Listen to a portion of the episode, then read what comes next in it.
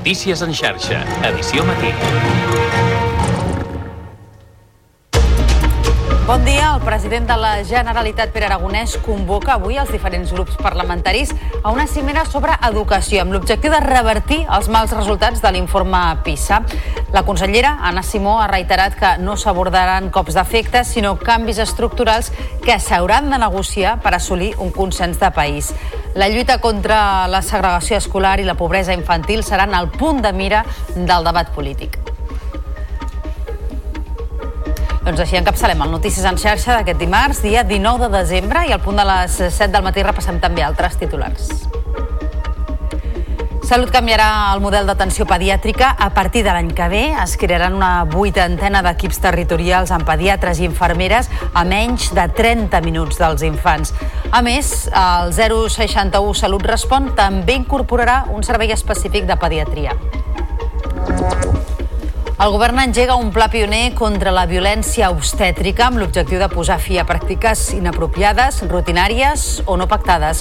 Una de les principals fites passa per potenciar la participació de les dones en la presa de decisions i conscienciar el personal mèdic de la violència que pot arribar a exercir amb males pràctiques massa sovint normalitzades. I en esports, el Girona es manté líder en solitari de la primera divisió després de sumar un còmode triomf sobre l'Alavés per 3 a 0. Van marcar Dovic amb un doblet i Porto. El triomf torna a situar els blanc i vermells amb dos punts més que el Real Madrid i amplia fins als 9 la diferència amb el Barça. I en cultura, els teatres de Catalunya impulsen per primera vegada una diada de les arts escèniques. Es dirà Cap butaca buida i es farà el dissabte dia 16 de març del 2024. L'objectiu és omplir totes les sales de teatre i convertir aquest dia en la llavor del que volen que esdevingui la Diada Nacional del Teatre. Repassats els titulars, ara obrim àrea de serveis. En primer lloc volem saber com se circula aquesta hora per la xarxa viària catalana, per tant connectem amb el RAC i amb l'Àlex Huguet. Molt bon dia. Molt bon dia. Hi ha dues incidències d'aquesta matinada actives lluny de l'àrea metropolitana de Barcelona. Un accident a l'AP7 al tram de Vilaseca en sentit Tarragona fa tallar un carril i situació similar a l'N2 per un altre accident a Castellnou de Seana en direcció a Bellpuig, també en part de la via tallada. A les vies habituals on es registra més lentitud és arribant a Barcelona per la C58 en sentit sud durant 3 quilòmetres o a les dues rondes en sentit Llobregat amb molta densitat i aturades de més de 3 quilòmetres a la B10 eh, des de Sant Adrià fins a la D1 al mar i a la ronda de dalt ja són 4 quilòmetres més des de Santa Coloma de Gramenet. És tot des del RAC. Bon dia. I encara relacionat amb la mobilitat, però en el transport públic, que en aquests moments està interrompuda la circulació de trens d'ample convencional a l'estació de Lleida Pirineus per un problema a la catenària. Afecta les línies regionals R12, R13 i R14. I tanquem portada amb la previsió del temps de cara a aquest dimarts. Lluís Miquel Pérez, molt bon dia. Bon dia, dimarts que torna a despertar amb gelades contundents a les fondalades de l'interior.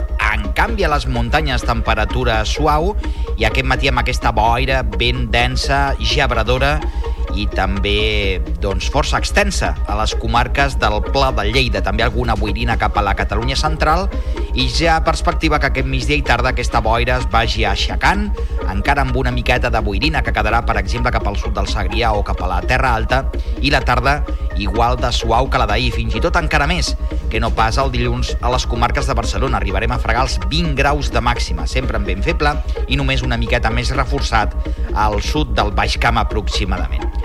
Us seguirem a la xarxa. Notícies en xarxa, edició matí. Avui és el dia de la cimera d'educació convocada pel president aragonès. Aquesta és la primera reunió per segellar un acord de país amb l'objectiu de revertir els resultats de l'informe PISA que van caure com una llosa sobre la comunitat educativa catalana. La consellera Anna Simó ha avançat alguns dels objectius de la reunió convocada pel president en la Comissió d'Educació que s'ha celebrat aquest dilluns al Parlament. Ens ho explica la nostra companya Anna Ruiz.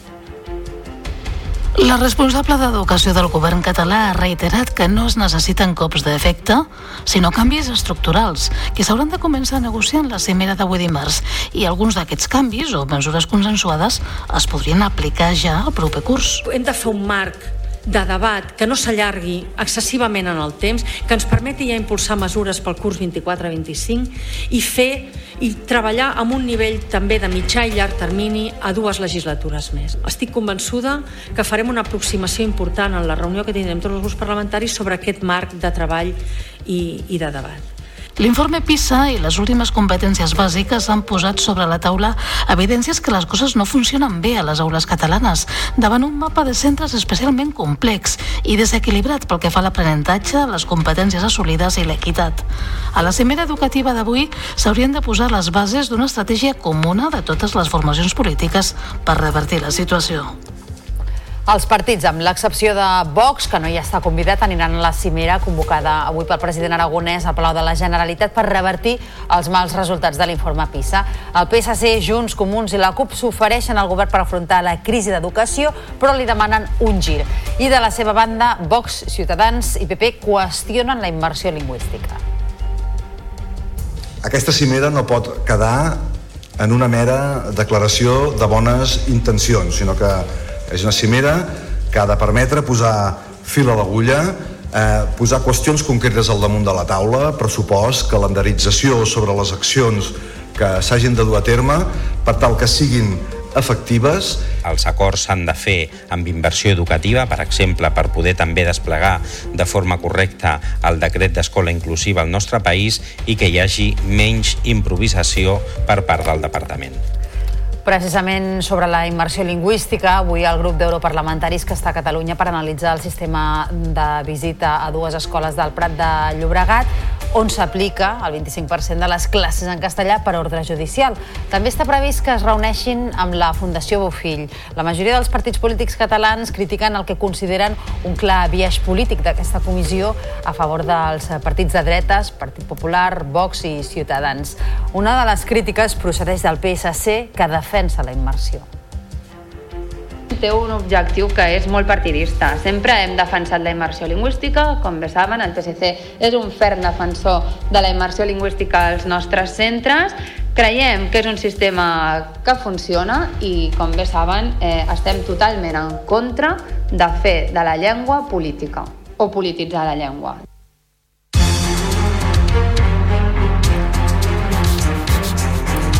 Salut canviarà el model d'atenció pediàtrica a partir del 2024. Es crearan equips territorials amb pediatres i infermeres en les diferents regions sanitàries.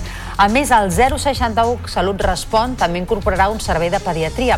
L'objectiu de tot plegat és eh, millorar i equilibrar l'atenció pediàtrica a tota Catalunya. El model que va presentar ahir el departament, però, genera reticències entre les famílies. Ens ho explica el nostre company David Benito. Salut crearà 79 equips territorials d'atenció pediàtrica a tot Catalunya que s'aniran desplegant a partir de l'any 2024. De fet, 25 equips ja estan en funcionament en algunes regions sanitàries. Cada equip estarà format per diversos pediatres i infermeres pediàtriques i atendran a infants i joves de fins a 14 anys. Uns equips que podran estar o no en un mateix edifici. Tot i això, Salut garanteix que no superaran els 30 minuts de desplaçament amb els mitjans de transport habituals. Precisament la pèrdua de proximitat és una de les principals preocupacions de les famílies. El conseller Manel Balcells assegura que no hi ha res definit i que s'ajustaran els equips a cada territori. Diria que el mirin bé, el, el pla, que se'l llegeixin primer, que esperin, que, es, que ho anem desplegant i anirem desplegant eh, tranquil·lament en un any a tot arreu amb els equipaments necessaris i amb, i amb els recursos necessaris. Per tant, que ningú s'esveri. Salut també incorporarà el servei de pediatria al 061 Salut Respon. Fins ara la línia telefònica només servia per urgències en el cas de pediatria. A partir del gener de 2024 hi haurà un equip especialitzat per atendre consultes no urgents de les famílies. I encara parlant de l'atenció sanitària, el govern engega un pla contra la violència obstètrica. És un pla pioner que té l'objectiu de posar fi a pràctiques inapropiades, rutinàries o no pactades. És una iniciativa dotada amb un pressupost de 7 milions d'euros que planteja mig centenar d'accions fins al 2028 amb l'atenció dels parts al punt de mira. És una crònica del nostre company Lluís Mata. El pla del govern preveu formacions no obligatòries per als prop de 2.500 professionals que s'encarreguen de l'atenció de la salut sexual i reproductiva del sistema públic i concertat. Una de les principals fites passa per potenciar la participació de les dones en la presa de decisions i conscienciar el personal mèdic de la violència que pot arribar a exercir amb males pràctiques massa sovint normalitzades. Manel Balcells és conseller de Salut i Tània Verge d'Igualtat i Feminismes. I si veiem que hi ha un increment de cesàries en el sistema privat, hem de posar-hi l'ull perquè no pot ser que hi hagi més cesàries el divendres que el dilluns. I no pot ser que hi hagi més cesàries abans de les festes de Nadal que després. I no pot ser que hi hagi parts induïts quan no toca. Això es diu qualitat. Reconeixem que té una gravetat diferent quan s'estan exercint aquestes violències des d'un organisme o una institució pública. Per això tenim el deure de revisar totes aquelles pràctiques que no garanteixin adequadament els drets. El pla inclou també l'ampliació de centres de naixement de parts naturals més enllà del de Can Ruti i formació específica en diferents temàtiques com l'endometriosi, la interrupció voluntària de l'embaràs i l'acompanyament en la pèrdua perinatal. Nou desnonament a la ciutat de Badalona i en aquesta ocasió amb una persona amb una discapacitat molt severa. Quatre persones que vivien en un pis al barri de Llafià han estat desallotjades i no tenen de moment cap sostre alternatiu. Per ara l'Ajuntament de Badalona només ha garantit que reallotjarà en un centre sociosanitari l'home amb dependència més crítica. És una crònica de la televisió de Badalona. Era la quarta vegada que es produïa l'intent de desallotjament, però aquest cop s'ha executat amb la intervenció d'una desena d'agents de Mossos d'Esquadra i una ambulància. A l'interior del local vivien una mare i un fill amb una discapacitat severa que l'obligava a viure postrat en un llit i enganxat a màquines per respirar. I també un nebot i un amic de la família que anava en cadira de rodes. La mare i el fill han estat traslladats a l'Hospital Germans Trias i Pujol i els altres dos ocupants han estat acompanyats per les entitats als serveis socials del barri de Llafià. Els habitants van viure més d'un mes i mig sense llum, situació que la plataforma Sant Roc Som Badalona cataloga de molt greu tenint en compte les circumstàncies vitals d'un dels inquilins.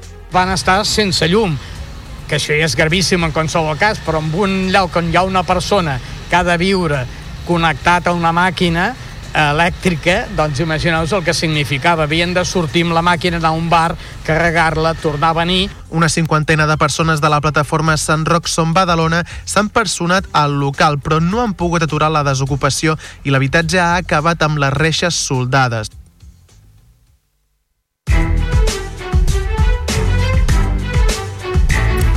Les motos estan involucrades en gairebé la meitat dels accidents de trànsit amb víctimes mortals i ferits greus, malgrat que només representen un 2,3% de la mobilitat a Catalunya i els 10 trams amb més accidents mortals i greus de moto es concentren a la regió metropolitana de Barcelona.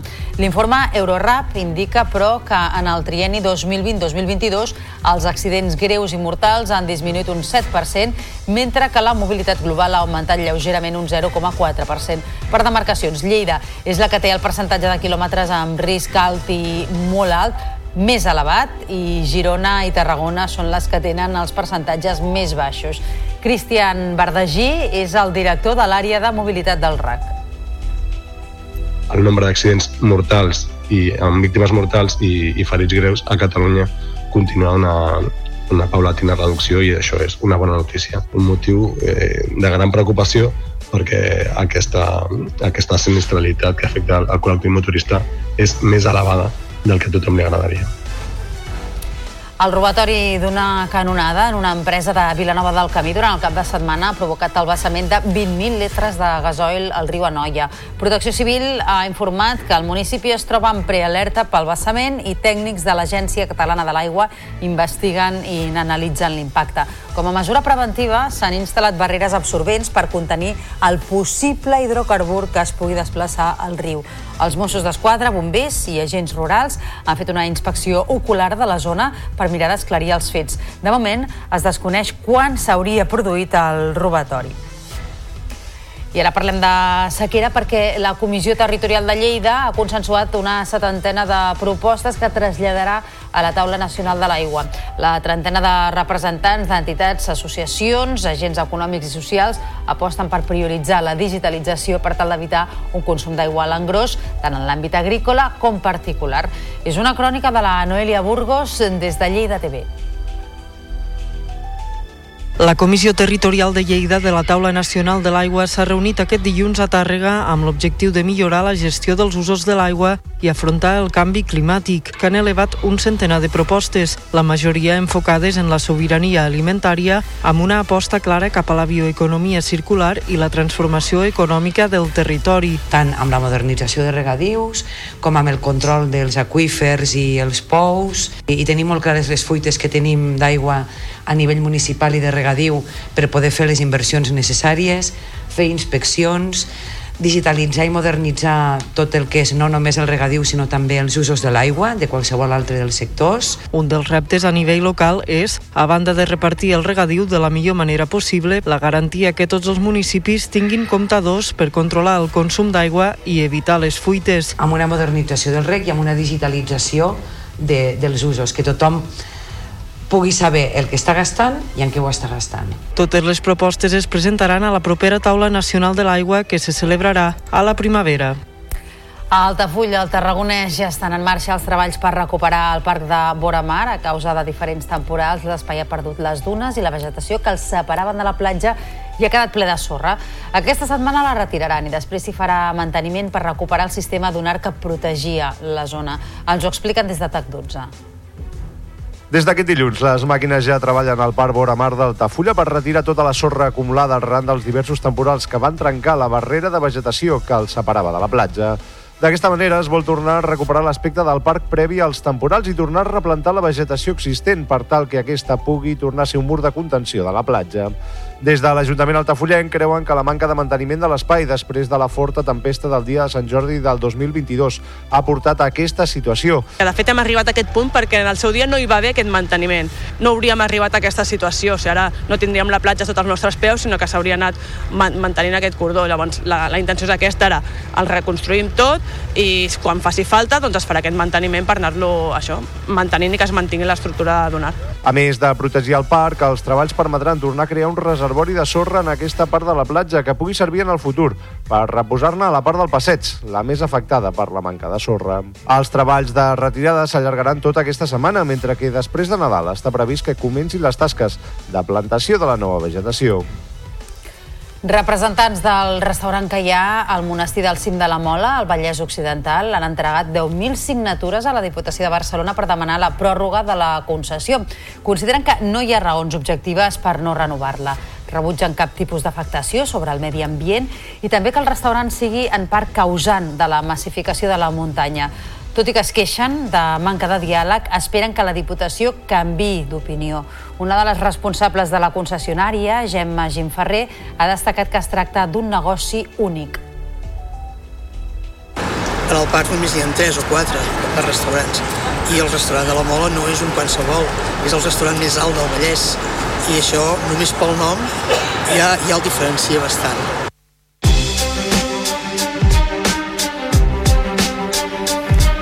Ara passen dos minuts d'un quart de vuit del matí. La Generalitat proposarà al govern espanyol la gestió directa dels fons europeus Next Generation per la indústria, perquè asseguren que s'han plantejat amb una òptica centralista. Així va assegurar ahir la consellera d'Economia i Hisenda, Natàlia Mas, que va destacar que les bases actuals són homogènies per a tot el territori sense tenir en compte les particularitats de cadascun. Mas va apuntar que el 72% de les convocatòries fetes per l'Estat han quedat desertes. La iniciativa demana que el 60 65% dels recursos europeus pendents de convocatòries relacionades amb la indústria el gestionin les comunitats autònomes. Aquesta proposta consisteix en que les comunitats autònomes puguem disposar dels fons dirigits a la indústria que s'han quedat sense assignar a les convocatòries estatals i també disposar d'aquells que arribaran amb l'adenda al Pla de Recuperació, Transformació i Resiliència.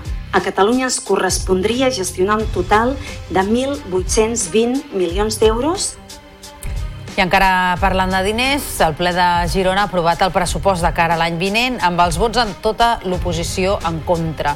En total, més de 148 milions d'euros que socialistes, PP i Vox critiquen per considerar que es queden curts en inversió i, per contra, que són expansius en el cobrament d'impostos. La regidora d'Hisenda, Sílvia Aliu, ha reconegut que l'augment de preus ha condicionat els comptes municipals, però també ha assegurat que la manca de finançament que pateixen els municipis per part de l'Estat els fa impossible invertir més.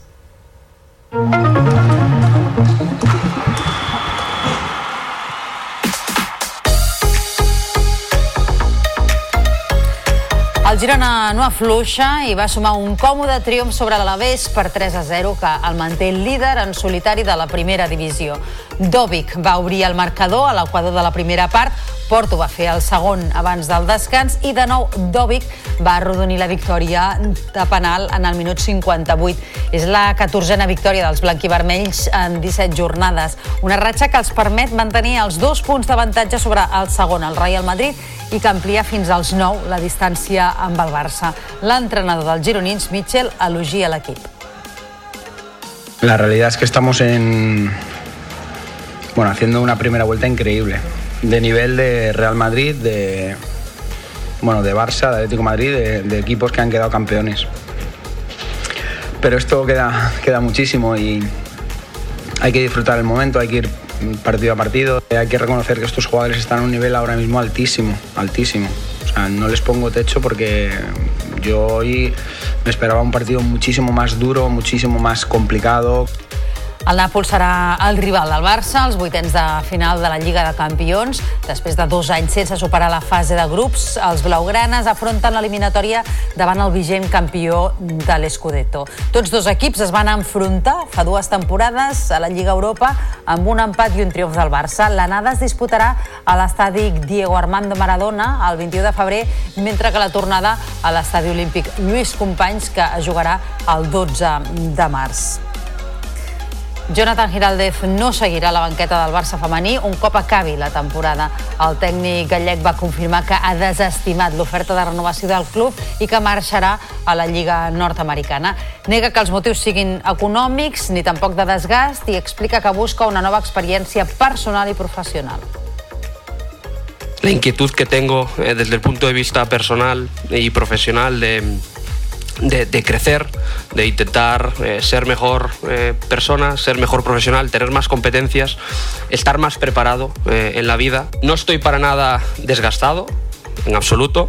Tengo muchas ganas de entrenar, tengo una relación magnífica, considero que tengo una relación magnífica con las jugadoras, con el staff, A la segona divisió l'Espanyol rep el Burgos a dos quarts de deu amb la necessitat de capgirar la mala dinàmica de resultats. Els blanquiblaus només han sumat dos punts dels darrers nou possibles i no guanyen des del 26 de novembre. L'equip tindrà les baixes de Pol Lozano i José Graguera per sanció i de Cabrera, que no s'ha recuperat a temps. Luis Miguel Ramis confia en que arribi la reacció de l'equip. todo va en función del resultado. Y nosotros jugamos para obtener resultados, eh, que son los que se reflejan en la clasificación y al final son los que te hacen cumplir los objetivos. Sumar eh, 85 sensaciones buenas no te, no te asciende a primera división, te asciende 85 puntos. Vamos a intentar, insisto, perseguir el resultado. Es verdad que hay un camino detrás y este lo tenemos claro y queremos que los jugadores cada vez lo entiendan y lo plasmen en el campo porque tienen, vuelvo a insistir, categoría para ello. Ahir a la nit es va fer l'onzena edició de la Gala de les Estrelles, que reconeix els millors jugadors i entrenadors catalans de la temporada passada. Aitana Bonmatí i Oriol Romeu, amb dos del Barça, van rebre els premis a millor jugador femení i masculí, respectivament. Alejandro Valde, també blaugrana, es va endur el reconeixement com a jugador amb més projecció. I Pep Guardiola, del Manchester City, el de millor entrenador. Bojan Keirkik va guanyar el Premi Jurat com a reconeixement a la seva trajectòria esportiva. Així valorava el guardó Aitana Bonmatí, un dels molts que ha rebut en les darreres setmanes la pilota d'or. No m'ha donat temps d'acabar de, de valorar tot el que he aconseguit i hem aconseguit aquest any, però estic segura que quan passin els anys i, i estigui retirada a casa meva, miraré enrere i diré el, el 2023 va ser un dels millors anys de la, de la meva vida.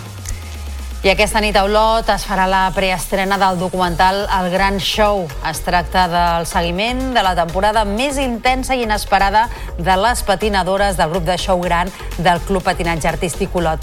Des de les desfetes al Campionat de Catalunya i d'Espanya fins al triomf al Campionat del Món de Colòmbia. El documental produït per La Xarxa i Olot TV s'estrenarà als cines Olot i posteriorment es podrà veure a través de la plataforma de streaming La Xarxa Més a partir del dia de Nadal a les 10 de la nit.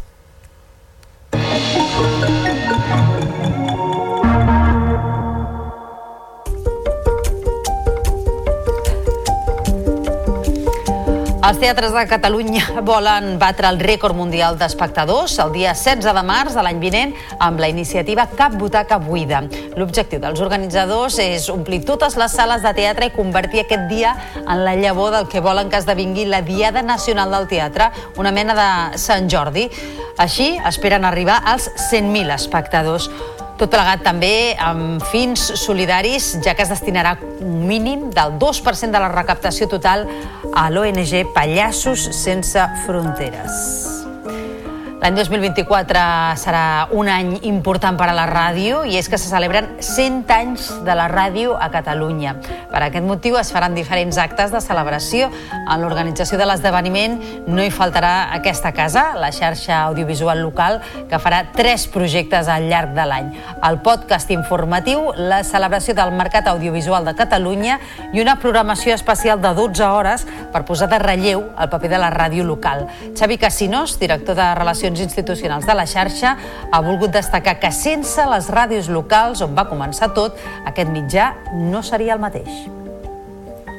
En aquell moment president de la Generalitat, Francesc Macià, que va descobrir en la ràdio un mitjà doncs, per poder eh, difondre el, els missatges polítics i qualsevol cosa i ell va, va donar instruccions a, a la seva gent perquè ajudessin a totes aquelles persones que volien posar en marxa una ràdio. I així van néixer moltes ràdios en els diferents municipis de Catalunya, configurant un ecosistema, jo diria pràcticament únic al món. La Biblioteca Central de Badalona, Can Casa Coberta, torna a estar oberta per tercera vegada des de que va tancar el 2019 per diverses deficiències i avaries. Al febrer d'aquest any va reobrir parcialment, però a l'estiu va haver de tancar de nou per un problema amb la climatització. Encara s'hi hauran de fer més treballs, però els usuaris ja poden tornar a utilitzar l'equipament.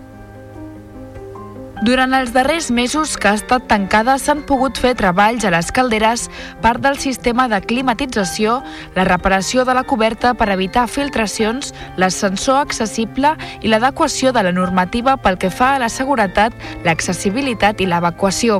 Però el que més desitjaven les famílies era l'obertura de la sala infantil, que suposa un espai de lleure i aprenentatges per a nens i nenes i que no han pogut gaudir durant gairebé 4 anys. M'ha semblat molt malament que estigui tancada tant de temps. Si volem fomentar que els nens llegeixin llibres, que els agradi llegir, eh, haurien d'haver prioritzat eh, aquest tema. Hem hagut d'anar doncs, a altres espais anteriorment, però el que ens quedava més a prop de casa era aquest i per tant doncs, és una alegria poder-lo disfrutar. Tot i no estar del tot segurs, la majoria dels usuaris confien que l'espai no hagi de tornar a tancar les seves portes.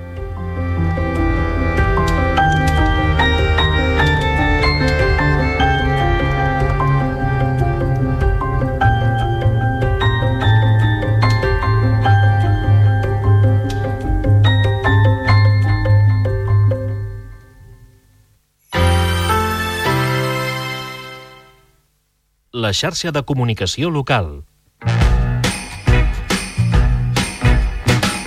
Paraules habitables. Especial Nadal.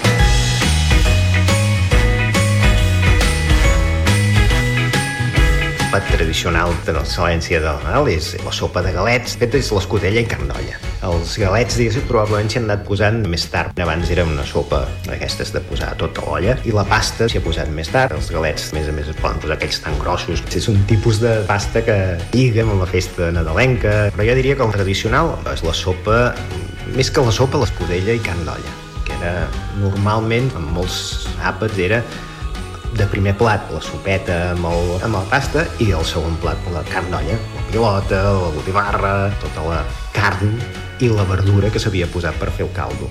La majoria de la cuina de Nadal tradicional, de fet la majoria de la cuina tradicional catalana és cuina d'aprofitament, des del pan tomàquet fins a la majoria de sopes són això, aprofitar tot el que tinc. I què es posava a l'escudella? Doncs el que hi havia en aquell moment a l'hort, el col, la patata perquè t'aguanta tot l'any, la pastanaga i el bestiar que tenien la gallina, el pollastre, el capó, part del porc, perquè el porc també el feien durar tot l'any. També fixeu que moltes vegades imposaven les parts no especialment boniques, eh? l'orella, les potes, el morro, coses que s'havien d'aprofitar, perquè allò dona molt de gust.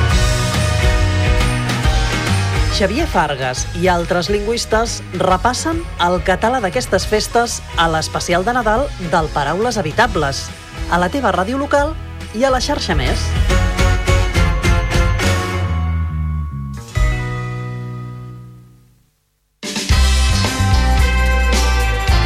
La xarxa de comunicació local.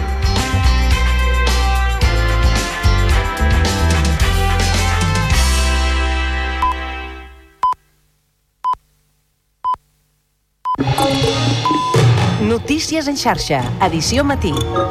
Amb Taís Trujillo. Bon dia, són dos quarts de vuit del matí i avui encapçalem el Notícies en xarxa amb la cimera sobre educació que ha convocat el president de la Generalitat, Pere Aragonès, amb els diferents grups parlamentaris amb l'objectiu de revertir els mals resultats de l'informe PISA. La consellera Anna Simó ha reiterat que no s'abordaran cops d'efecte, sinó canvis estructurals que s'hauran de negociar per assolir un consens de país. La lluita contra la segregació escolar i la pobresa infantil seran el punt de mira del debat polític. De seguida us ho ampliem, abans però repassem també altres titulars d'aquest dimarts 19 de desembre. Salut canviarà el model d'atenció pediàtrica a partir de l'any que ve. Es crearan una vuitantena d'equips territorials amb pediatres i infermeres a menys de 30 minuts dels infants. A més, el 061 Salut Respon també incorporarà un servei específic de pediatria. Aquest nou model, però, genera recels entre les associacions d'usuaris. De seguida sabrem per què, perquè parlarem amb Xus Merino, que és portaveu de la plataforma per una sanitat 100% pública. I el govern engega un pla pioner contra la violència obstètrica amb l'objectiu de posar fi a pràctiques inapropiades, rutinàries o no pactades. Una de les principals fites passa per potenciar la participació de les dones en la presa de decisions i per conscienciar el personal mèdic de la violència que pot arribar a exercir amb males pràctiques massa sovint normalitzades. I en esports, el Girona es manté líder en solitari de la primera divisió després de sumar un còmode triomf sobre l'Alavés per 3 a 0. Van marcar Dovic amb un doblet i Porto. El triomf torna a situar els blanc i vermells amb dos punts més que el Real Madrid i amplia fins als 9 la diferència amb el Barça. I en cultura, els teatres de Catalunya impulsen per primera vegada una diada de les arts escèniques. Es dirà Cap butaca buida i es farà el dissabte 16 de març del 2024. L'objectiu és omplir totes les sales de teatre i convertir aquest dia en la llavor del que volen que esdevingui la Diada Nacional del Teatre. Repassats els titulars, ara obrim plana de serveis, primer amb el trànsit. Segons el RAC, hi ha hagut un accident a la ronda litoral d'entrada a Barcelona des de Sant Adrià de Besòs i va molt congestionada fins a Diagonal Mar. S'hi sumen les cues habituals fins a la Vila Olímpica i continuen els carrils tallats a l'AP7 a Vilaseca en sentit Tarragona per diversos accidents i a la Nacional 2 a Castellnou de Seana cap a Bellpuig. A l'àrea metropolitana, retencions habituals a la 2, la B23, la C32 i la C58. I ara la previsió del temps comença el dia amb gelades a les fondalades de l'interior i boira densa a les comarques de Lleida, però la tarda serà suau a tot arreu. Tot i que falta només 6 dies per Nadal, les temperatures durant el dia encara no són d'hivern. Notícies en xarxa, edició matí. Avui és el dia de la cimera d'educació convocada pel president aragonès. Aquesta és la primera reunió per segellar un acord de país amb l'objectiu de revertir els resultats de l'informe PISA que van caure com una llosa sobre la comunitat educativa catalana. La consellera Anna Simó ha avançat alguns dels objectius de la reunió convocada pel president en la Comissió d'Educació que s'ha celebrat aquest dilluns al Parlament. Ens ho explica l'Anna Ruiz. La responsable d'Educació del govern català ha reiterat que no es necessiten cops d'efecte, sinó canvis estructurals, que s'hauran de començar a negociar en la cimera d'avui dimarts. I alguns d'aquests canvis o mesures consensuades es podrien aplicar ja al proper curs. Hem de fer un marc de debat que no s'allargui excessivament en el temps, que ens permeti ja impulsar mesures pel curs 24-25 i fer i treballar amb un nivell també de mitjà i llarg termini a dues legislatures més. Estic convençuda que farem una aproximació important en la reunió que tindrem tots els grups parlamentaris sobre aquest marc de treball i, i de debat. L'informe PISA i les últimes competències bàsiques han posat sobre la taula evidències que les coses no funcionen bé a les aules catalanes, davant un mapa de centres especialment complex i desequilibrat pel que fa a l'aprenentatge, les competències assolides i l'equitat. A la cimera educativa d'avui s'haurien de posar les bases d'una estratègia comuna de totes les formacions polítiques per revertir la situació. Els partits, amb l'excepció de Vox, que no hi està convidat, aniran a la cimera convocada avui pel president Aragonès al Palau de la Generalitat per revertir els mals resultats de l'informe PISA. El PSC, Junts, Comuns i la CUP s'ofereixen al govern per afrontar la crisi de l'educació, però li demanen un gir. I de la seva banda, Vox, Ciutadans i PP qüestionen la immersió lingüística.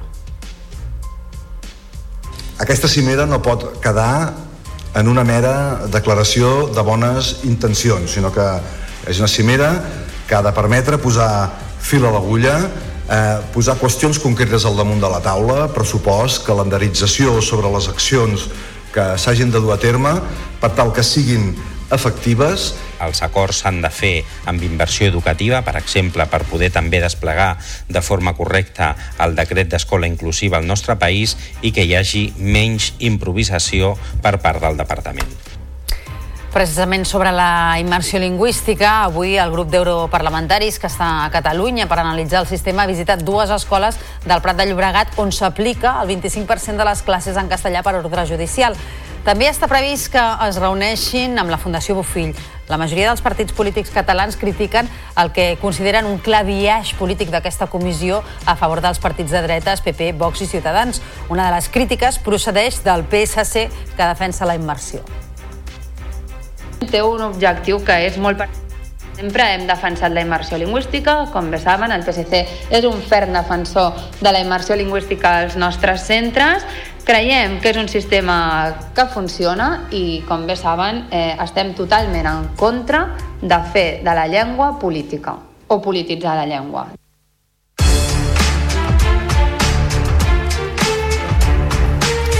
Les motos estan involucrades en gairebé la meitat dels accidents de trànsit amb víctimes mortals i ferits greus, malgrat que només representen un 2,3% de la mobilitat a Catalunya. I els 10 trams amb més accidents mortals i greus de moto es concentren a la regió metropolitana de Barcelona. L'informe Eurorap indica, però, que en el trieni 2020-2022 els accidents greus i mortals han disminuït un 7%, mentre que la mobilitat global ha augmentat lleugerament un 0,4%. Per demarcacions, Lleida és la que té el percentatge de quilòmetres amb risc alt i molt alt més elevat i Girona i Tarragona són les que tenen els percentatges més baixos. Cristian Verdagí és director de l'àrea de mobilitat del RAC.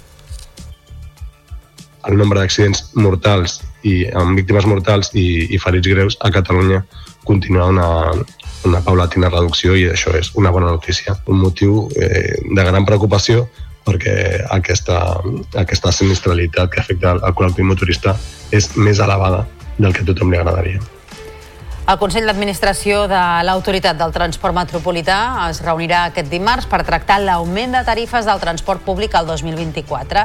Els preus podrien encarir-se al voltant d'un 6,75% a partir de l'1 de gener, tot i que aquesta pujada es veurà mitigada si es mantenen els descomptes del 50% entre les aportacions de l'Estat i la Generalitat. Si es confirma aquest increment de tarifes, es posarà punt final a anys de congelació de preus.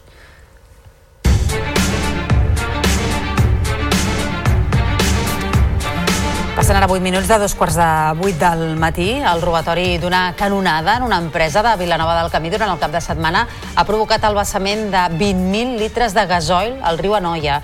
Protecció Civil ha informat que el municipi es troba en prealerta pel vessament i tècnics de l'Agència Catalana de l'Aigua investiguen i analitzen l'impacte. Com a mesura preventiva, s'han instal·lat barreres absorbents per contenir el possible hidrocarbur que es pugui desplaçar al riu. Els Mossos d'Esquadra, bombers i agents rurals han fet una inspecció ocular de la zona per mirar d'esclarir els fets. De moment es desconeix quan s'hauria produït el robatori. I parlem de sequera perquè la Comissió Territorial de Lleida ha consensuat una setantena de propostes que traslladarà a la taula nacional de l'aigua. La trentena de representants d'entitats, associacions, agents econòmics i socials aposten per prioritzar la digitalització per tal d'evitar un consum d'aigua a l'engròs, tant en l'àmbit agrícola com particular. És una crònica de la Noelia Burgos des de Lleida TV.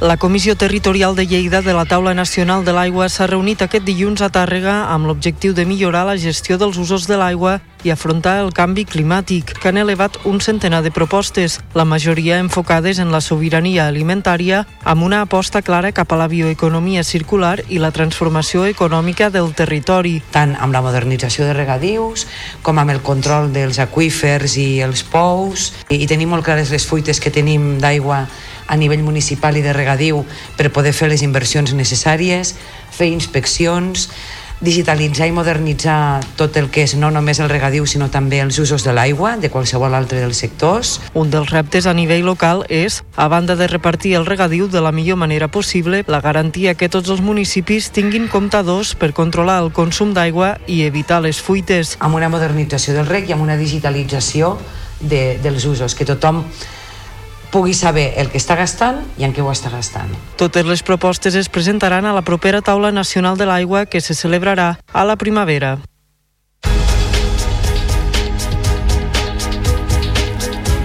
Salut canviarà el model d'atenció pediàtrica a partir del 2024. Es crearan equips territorials amb pediatres i infermeres en les diferents regions sanitàries. A més, el 061 Salut Respon també incorporarà un servei de pediatria. L'objectiu és eh, millorar i equilibrar l'atenció pediàtrica a tot Catalunya. El model que va presentar ahir el departament, però, genera reticències entre les famílies. Ens ho explica el nostre company David Benito. Salut crearà 79 equips territorials d'atenció pediàtrica a tot Catalunya que s'aniran desplegant a partir de l'any 2024.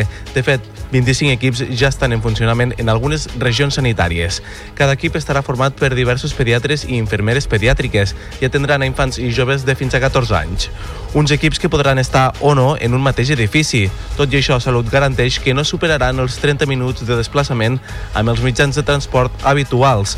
Precisament la pèrdua de proximitat és una de les principals preocupacions de les famílies. El conseller Manel Balcells assegura que no hi ha res definit i que s'ajustaran els equips a cada territori. Diria que el mirin bé, el, el pla, que se'l llegeixin primer, que esperin, que, es, que ho anem desplegant i el anirem desplegant um, tranquil·lament en un any a tot arreu amb els equipaments necessaris i amb, i amb els recursos necessaris. Per tant, que ningú s'esveri. Salut també incorporarà el servei de pediatria al 061 Salut Respon. Fins ara la línia telefònica només servia per urgències en el cas de pediatria.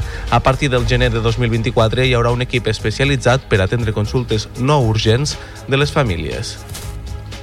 Doncs hi afegim ara les eh, valoracions, les reaccions a aquest nou pla d'atenció pediàtrica que entrarà en vigor l'any que ve i volem saber què és el que en pensen des de la plataforma per una sanitat 100% pública. Volem parlar, en aquest cas, amb la seva portaveu al Vallès Occidental, Xeus Merino. Molt bon dia. Hola, molt bon dia. D'entrada, tot el que va explicar ahir el conseller de Salut, eh, què us sembla? Quina és la reacció inicial a l'espera del desplegament? Bueno, nosaltres més o menys ja esperàvem aquest tipus de resposta perquè ja hi ha territoris on aquest programa s'ha implantat i eh? llavors la valoració és negativa. Ja sabem el que tindrem. Mm, mm, desapareix la proximitat dels centres d'atenció primària i llavors per això, per les famílies i per, per la població en general, això és negatiu. Uh -huh. És a dir, el principal desavantatge és la pèrdua d'aquesta proximitat física. Ahir parlava el conseller que no hi hauria atenció pediàtrica més enllà d'un recorregut de 30 minuts per part de, de les famílies. És això el que us preocupa, el desplaçament? Bueno, ens preocupa el, de, el desplaçament i la manca de professionals, que moltes vegades diem que és perquè no n'hi ha professionals i nosaltres creiem que el problema no és tant que no hi hagin professionals, sinó les condicions laborals i la manera en què es tracta el personal. Llavors, el conseller va dir 30 minuts de desplaçament habitual en mitjans habituals. Què vol dir això? Uh -huh. Perquè, clar, 30 minuts des de, des de Sabadell quasi bé a l'entrada a Barcelona tenim 30 minuts. És això? O no sabem. Nosaltres aquí a Sabadell ja tenim centres així i sabem el que significa. No és la proximitat que teníem abans, que tenies el cap al costat, a cada barri, a cada zona, sinó que és mm, pues, dos o tres a tot Sabadell. Llavors això implica problemes per la família, per desplaçar-se, perquè no tothom té les mateixes condicions. En el cas de Sabadell, Xus, es va començar a implantar arran de la pandèmia. No? Explica'ns eh, una mica més en detall, eh, pels que no coneixem aquest sistema o no tenim a prop cap pla com aquest, eh, en, què, en què ha consistit? Com és ara l'atenció pediàtrica a Sabadell i quins inconvenients li veieu més enllà d'aquest de la distància? Bueno, pues la, està centralitzada. El que vam fer és nosaltres a cada cap teníem un pediatre i la seva infermera pediatra, matí i tarda, o sigui, cada dia, i llavors a partir de la pandèmia van considerar que era millor aglutinar els professionals perquè deien que sí eh, podien fer millor la seva feina. No? Nosaltres pensàvem que era algo mm, eventual no? i que quan acabés la pandèmia tot tornaria al mateix lloc, però no és així. Llavors això significa que a Sabadell, si abans teníem, ara no recordo exactament el CAPS, però és igual, un exemple, si tenien 30, hi havia 30 equips. Ara resulta que hi ha molts CAPs que no tenen i llavors està centralitzat. Per exemple, hi ha gent que viu a 10, a 7 quilòmetres o així, s'ha de desplaçar amb una criatura a portar-la al pediatre. Això mm, creiem que no és lo, que, lo correcte i, a més, el, els centres d'atenció primària, la, lo que era primordial és tenir-lo al costat del barri i coneixés també el barri on viu la gent, perquè hi ha moltes malalties o moltes dificultats que es, estan generades per això, no? pel barri per la zona on vius. Uh -huh. En alguns casos poden atendre a les criatures al seu cap de referència els metges de capçalera o les infermeres del propi centre d'atenció primària, quan no és una atenció que requereix l'especialitat pediàtrica? Sí, mm, últimament està passant per la falta de pediatres, diu, no? perquè els pediatres eh, prefereixen quedar-se a l'hospital que venir a la primària. Haurien de valorar perquè els hi passa això que els el que ofereixen des de la primària. Però sí que passa. Ah, llavors nosaltres considerem que la pediatria, a veure, jo treballat, treballo a l'Hospital Taulí i he treballat molts anys a pediatria i no és només una especialitat com pot ser otorrino o qualsevol altra, sinó que les criatures tenen unes especificitats que és superimportant que les persones que el tracten les coneixin. Xus Merino, portaveu de la Plataforma per una Sanitat 100% eh, Pública del Vallès Occidental, gràcies per haver-nos atès aquest matí al Notícies en xarxa. Anirem fent seguiment d'aquesta oposició al nou pla de pediatria. De moment, avui hi ha una concentració davant de la Conselleria de Salut per mostrar el rebuig a aquest nou pla. Gràcies, molt bon dia. Gràcies a vosaltres. Bon dia. I encara parlant de temes eh, sanitaris, us expliquem ara que el govern engega un pla pioner contra la violència obstètrica amb l'objectiu de posar fi a pràctiques inapropiades, rutinàries o no pactades. És una iniciativa dotada amb un pressupost de 7 milions d'euros que planteja mig centenar d'accions fins l'any 2028 amb l'atenció dels parts al punt de mira. Ens ho explica el Lluís Mata.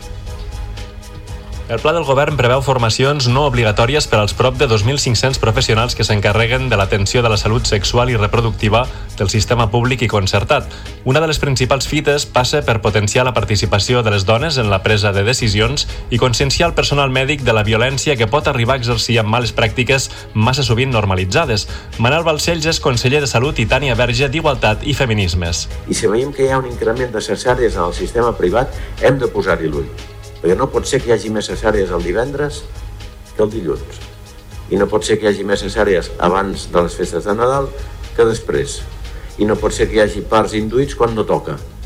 Això es diu qualitat. Reconeixem que té una gravetat diferent quan s'estan exercint aquestes violències des d'un organisme o una institució pública. Per això tenim el deure de revisar totes aquelles pràctiques que no garanteixin adequadament els drets. El pla inclou també l'ampliació de centres de naixement de parts naturals més enllà del de Can Ruti i formació específica en diferents temàtiques com l'endometriosi, la interrupció voluntària de l'embaràs i l'acompanyament en la pèrdua perinatal. L'Audiència de Barcelona ha condemnat a més de 10 anys de presó un excap de colla dels castellers de Barcelona per abusos sexuals a nenes que formaven part de la colla. També se li ha prohibit comunicar-se i aproximar-se a les víctimes, a més de pagar una indemnització. El jutge considera provat que l'acusat aprofitava la confiança de les famílies per convidar les menors al seu domicili i els feia tocaments amb el pretext de fer-los massatges terapèutics. Els fets van passar entre els anys 2014 i 2019.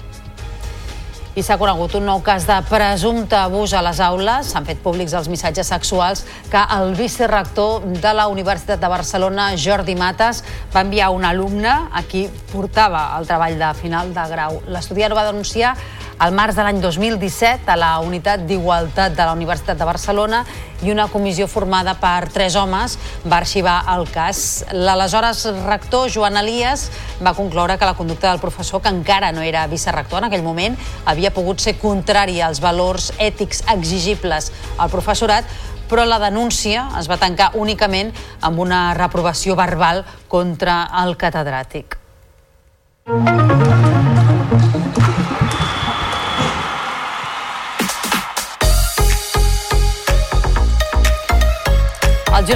no afluixa i va sumar un còmode triomf sobre l'Alavés per 3 a 0 que el manté líder en solitari de la primera divisió. Dovic va marcar un doblet i Porto va arrodonir la golejada. Aquesta victòria permet als de Mitchell mantenir els dos punts d'avantatge sobre el segon, el Real Madrid, i amplia fins als 9 la distància amb el Barça.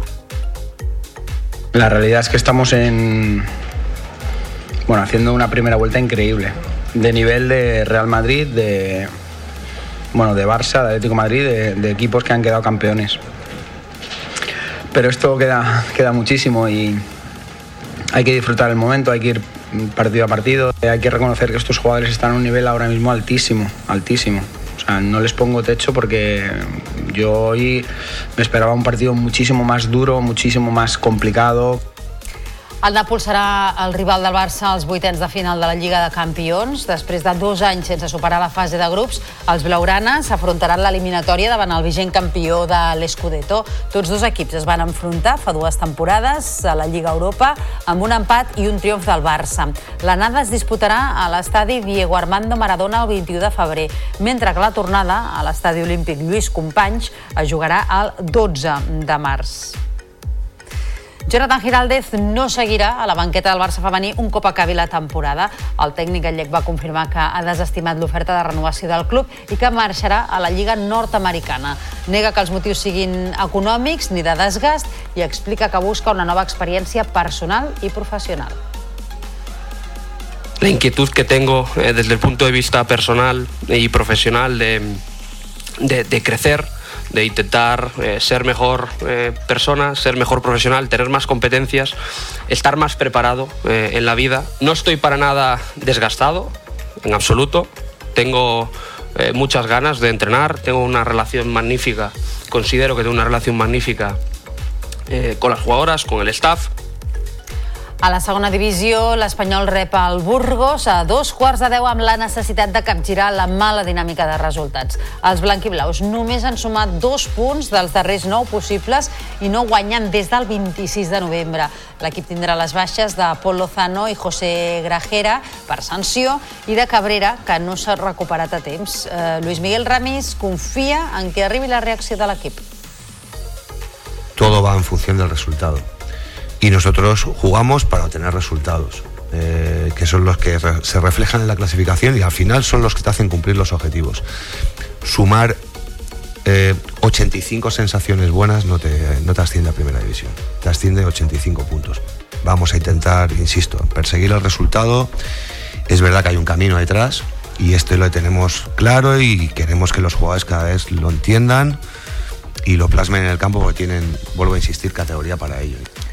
El Barça afronta avui partit de l'Eurolliga de bàsquet a la pista de l'Alba de Berlín. Els alemanys són coers de la competició europea, mentre que els blaugranes ocupen la segona posició. Després de la desfeta al Palau davant el Milà, els de Roger Grimau confien en recuperar la dinàmica guanyadora a l'escenari que acollirà la Final Four. I l'Espar Girona ha destituït, ha destituït l'entrenadora Laura Antoja. El motiu són els mals resultats que han situat l'equip en la quarta posició de la Lliga. És una informació de la televisió de Girona. Bru Ortega.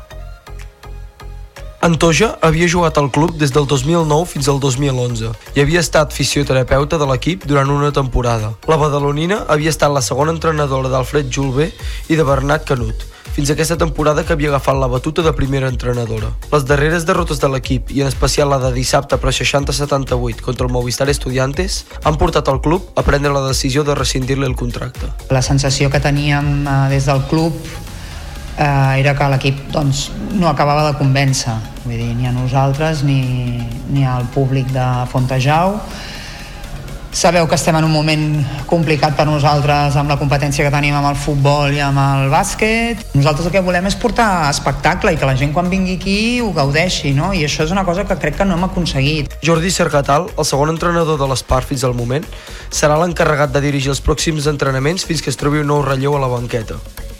I aquesta nit a Olot es farà la preestrena del documental El Gran Show. Es tracta del seguiment de la temporada més intensa i inesperada de les patinadores del grup de show gran del Club Patinatge Artístic Olot, des de les desfetes al Campionat de Catalunya i d'Espanya fins al triomf al Campionat del Món de Colòmbia. El documental, produït per la xarxa i Olot TV, s'estrenarà als cinemes Olot i posteriorment es podrà veure a través de la plataforma La Xarxa Més a partir del dia de Nadal a les 10 de la nit.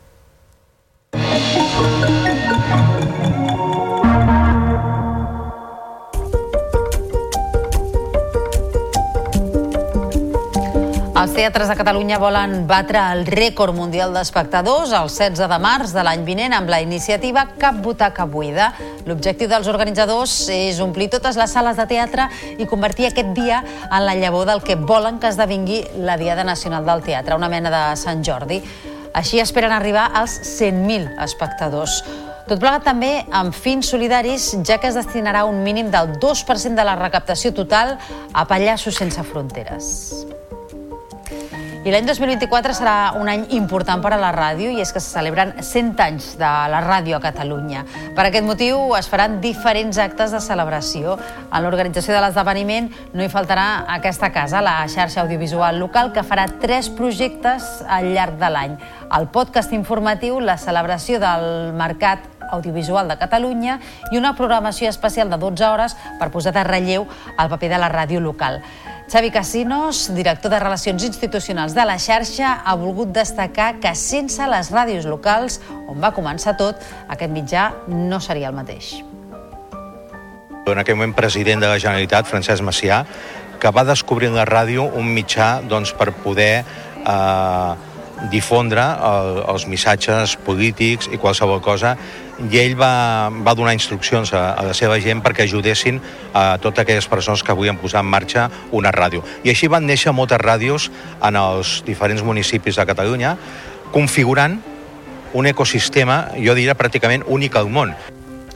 Rafael tornarà a Barcelona l'any vinent amb el seu aclamat Victoria Tour. Seran dos concerts exclusius al Gran Teatre del Liceu els dies 29 i 30 de setembre. A més de presentar el seu disc Victoria, l'artista també repassarà els millors clàssics del seu repertori. Migrant Noche, Yo soy aquel, Como yo te amo i un llarg etcètera de lletres i melodies que han marcat diferents generacions durant més de sis dècades.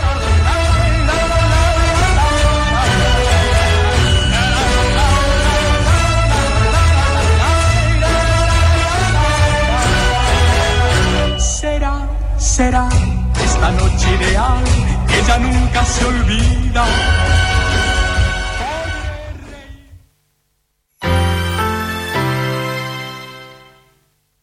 La xarxa de comunicació local. Propostes en xarxa.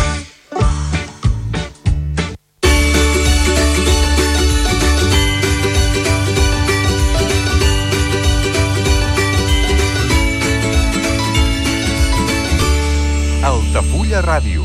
Bones festes! Comunions 2024. Dates ja disponibles amb sales privades, jardí, pàrquing privat i la millor gastronomia. Més informació i reserves al 977 65 11 55 i a comercial arroba altafullamarotel.com o al web altafullamarotel.com. Les teves celebracions familiars a l'Altafulla Mar Hotel.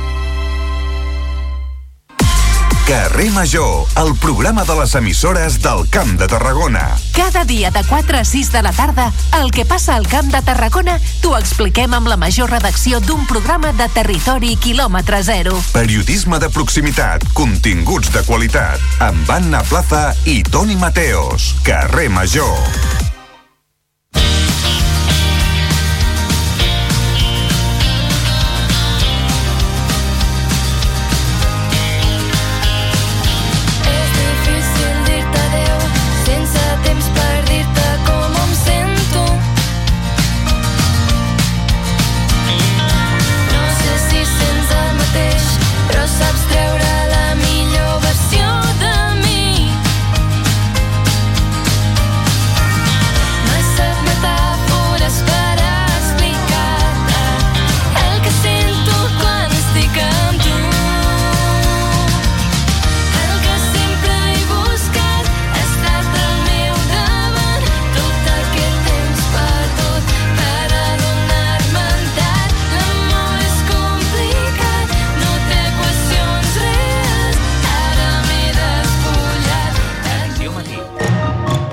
Amb Taís Trujillo.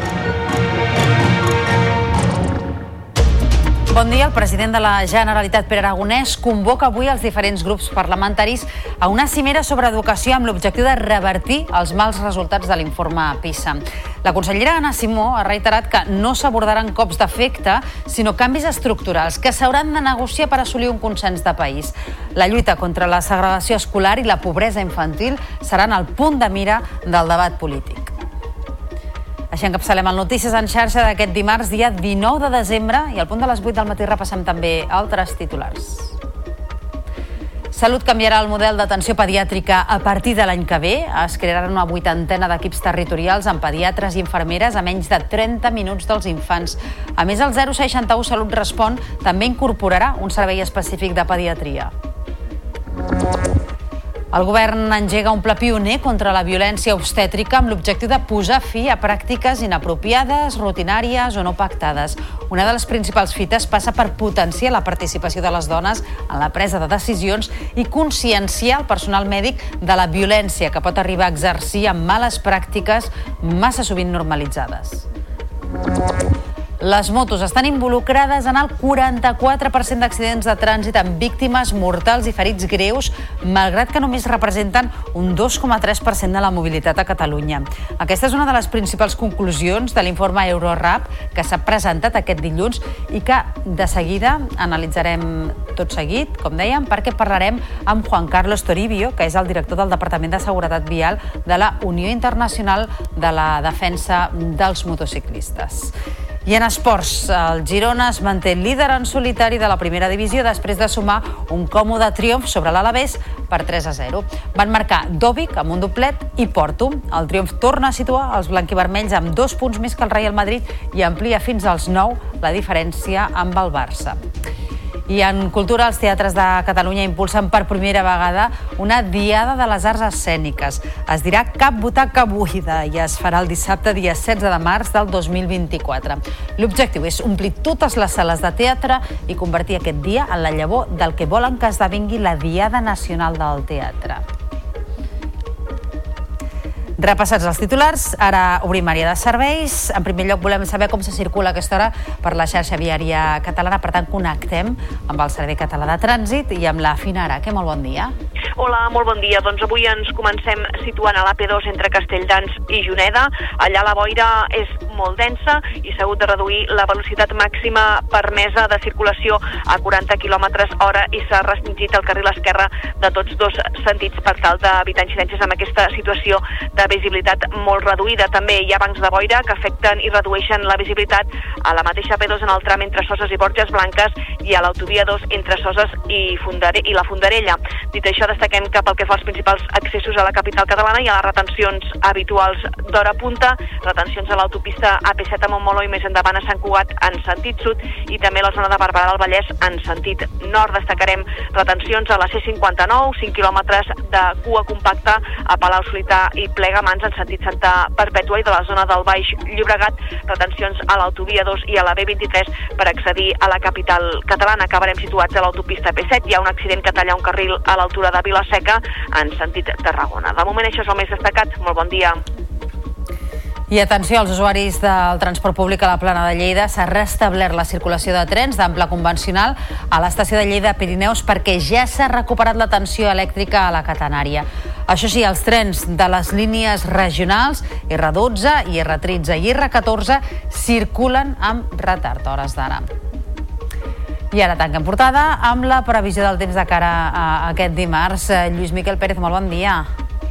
Bon dia, Daís. Doncs a hores d'ara una altra vegada força fred a tot el país i com tenim anticicló, l'aire fred que pesa més que el calent se'n va a les àrees més fondes i a les valls, també a les planes a hores d'ara fa força més fred a l'interior del país que no pas a l'Alt Pirineu, perquè ens fem una idea. I també aquest matí amb aquesta boira ben densa i molt freda, per tant gebradora, que tenim a gran part del Pla de Lleida i és una boira que persistirà fins ben entrat al migdia o primeres hores de la tarda. Per tant, allà farà fred tot el dia.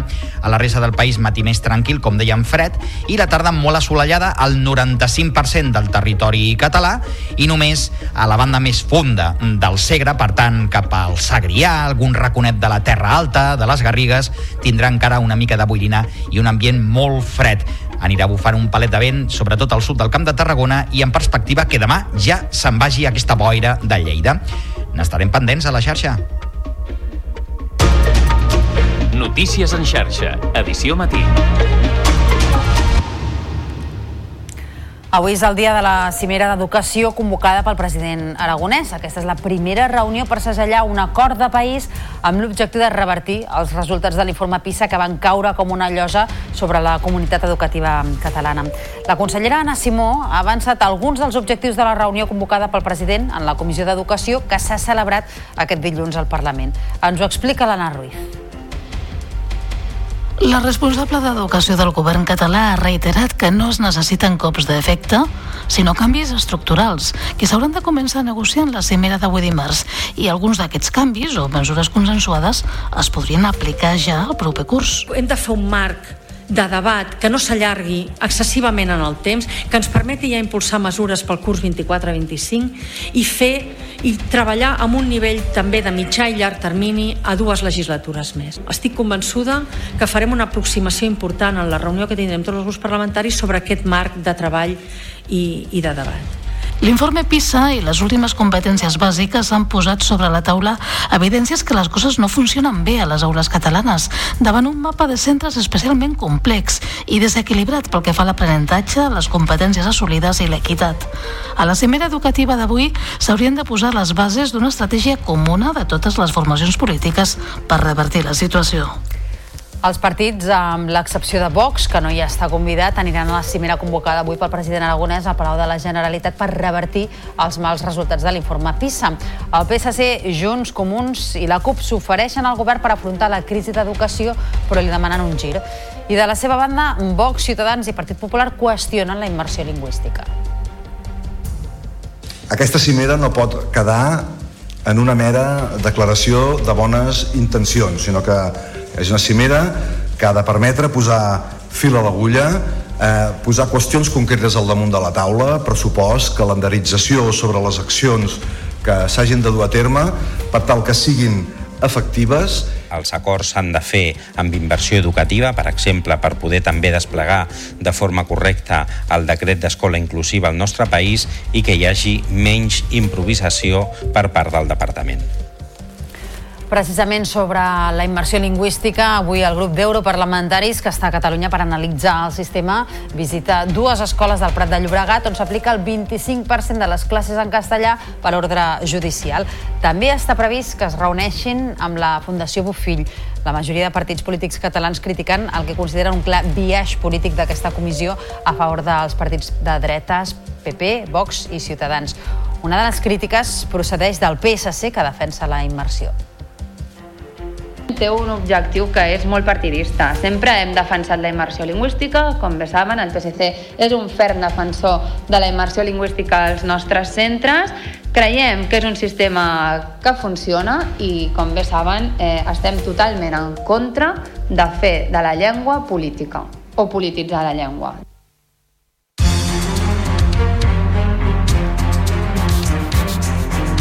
Salut canviarà el model d'atenció pediàtrica a partir del 2024. Es crearan equips territorials amb pediatres i infermeres en les diferents regions sanitàries.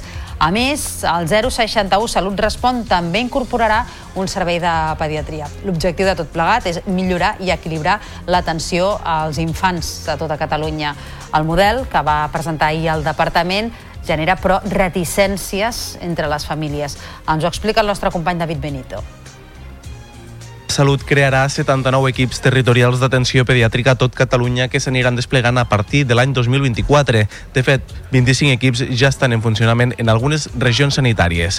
Cada equip estarà format per diversos pediatres i infermeres pediàtriques i atendran a infants i joves de fins a 14 anys. Uns equips que podran estar o no en un mateix edifici. Tot i això, Salut garanteix que no superaran els 30 minuts de desplaçament amb els mitjans de transport habituals.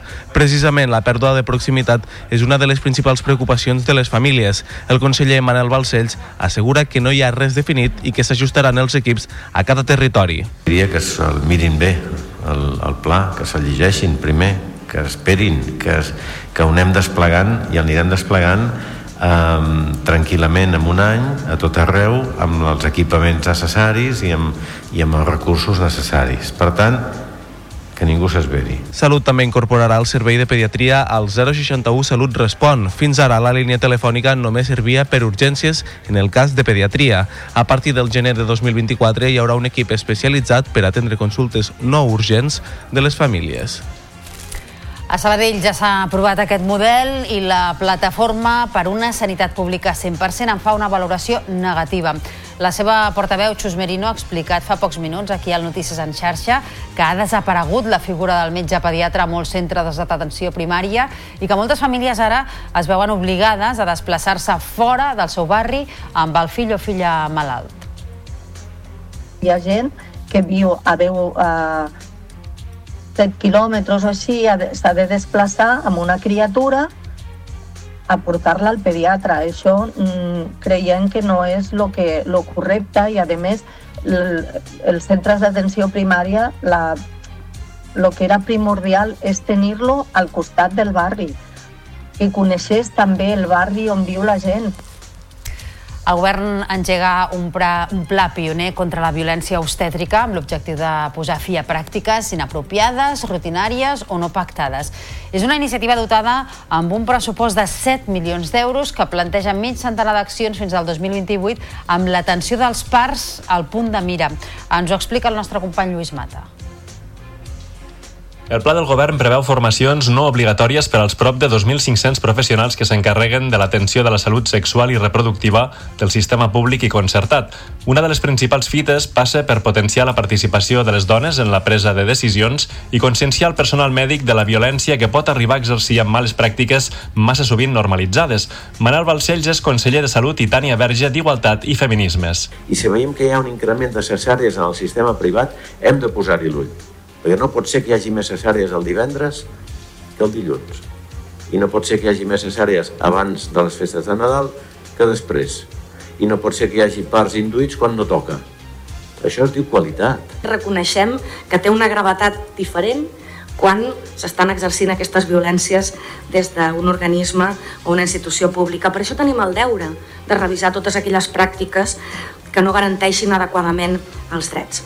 El pla inclou també l'ampliació de centres de naixement de parts naturals més enllà del de Can Ruti i formació específica en diferents temàtiques com l'endometriosi, la interrupció voluntària de l'embaràs i l'acompanyament en la pèrdua perinatal.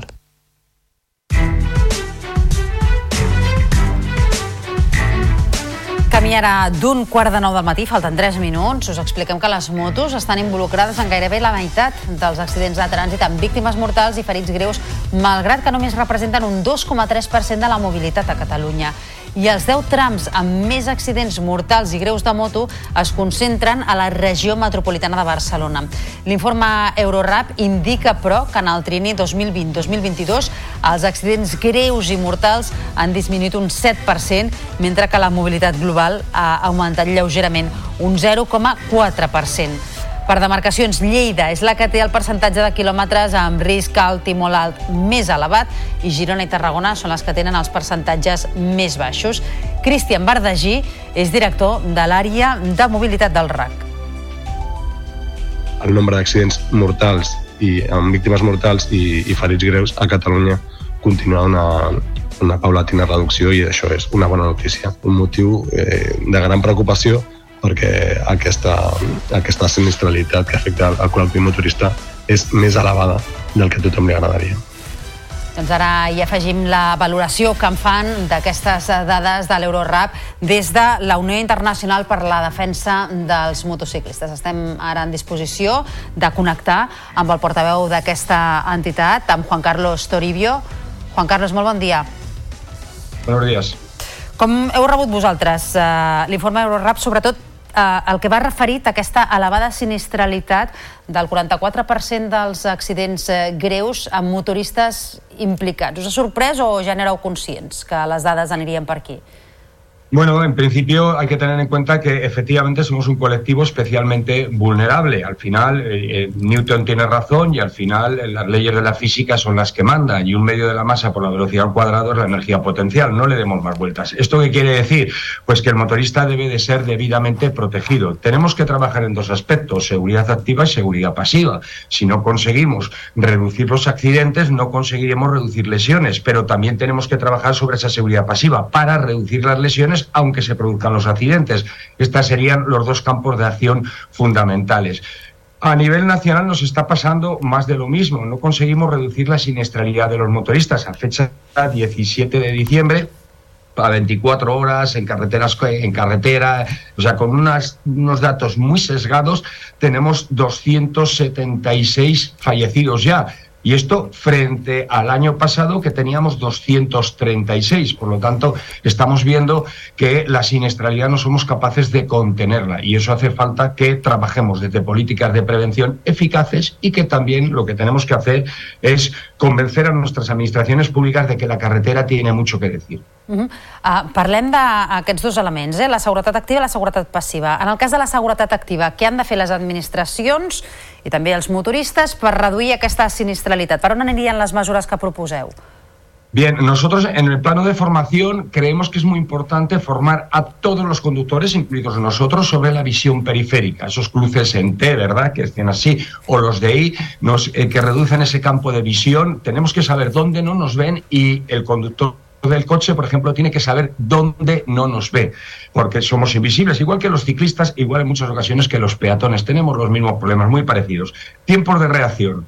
Bueno, pues tiempos de reacción es también fundamental. Tenemos que tener en cuenta que nuestro tiempo de reacción es de dos segundos. A 120 kilómetros hora, pues son 33 metros por segundo, 66 metros recorridos sin haber hecho absolutamente nada. Ese es el tiempo de reacción normalizado norma técnica. El uso de, sistemas de frenado. No se nos da una formación adecuada cuando obtenemos el permiso de conducción para, eh, eh, para poder manejar bien los HADAS, los elementos de ayuda a la conducción y el sistema de frenado. Y la conservación del vehículo. No le damos importancia en muchas ocasiones a cómo está, por ejemplo, la presión de nuestras ruedas o el estado de nuestras suspensiones. Ahí hay que trabajar sobre el usuario. Sobre la equipación, tenemos que trabajar sobre la reducción del IVA. El IVA de la equipación técnica, como la que yo llevo ahora, los cascos que tengo detrás. Es muy importante reducir ese IVA para que sea más fácil adquirirlos y que no haya excusa. Luego, el control de mercado. Estamos hartos de denunciar que el mercado no cumple con las diferentes normas técnicas que debe de, cumplir para proteger a los consumidores motoristas. Y luego, la promoción de uso, promocionar el uso de esa equipación. Tema carreteras, que es el tema más delicado. Seguridad activa, como me preguntabas. La señalización. No solo está el Eurorap, también tenemos un informe de la Asociación Española de la Carretera muy crítico que nos está hablando de que necesitamos una inversión en nuestras infraestructuras a nivel nacional de 9.918.000, eh, perdón, 9.918 millones de euros. Y, ojo, porque 6.657 sería lo que necesitarían las comunidades autónomas. Creemos que esta parte es muy importante. Señalización, estado del firme, tenemos coeficientes de rozamiento que hay que mantener el firme en buen estado. Lo advierte este informe también de septiembre del año pasado advierte esta situación también, la regularidad funcional, la limpieza del firme, los peraltes. Estoy hablando siempre de seguridad activa, ¿eh? cómo evitar ese accidente. La anchura funcional. Estamos advirtiendo, tenemos incluso un accidente investigado en la zona de Cataluña donde un autobús pues ocupa parte del espacio del motorista en una carretera estrechita y resulta que se le echa la culpa al motorista, la no solo la responsabilidad, sino también la culpa, porque no se retira lo suficiente para que pase el autobús. Bueno, pues oiga, es que tenemos un problema de anchura funcional desde 1964 desobedeciendo las normas técnicas no solo en Cataluña, en el resto de España también. No politicemos estas cosas porque suceden en todas las partes de España. El trazado nos pasa igual. Tenemos radios decrecientes. Un radio decreciente nos saca fuera y nos, y nos genera, pues, pues eso, que no seamos capaces de controlar la motocicleta ni el coche. Y el peralte. El peralte también es fundamental y seguimos incumpliendo las normas técnicas de peraltes.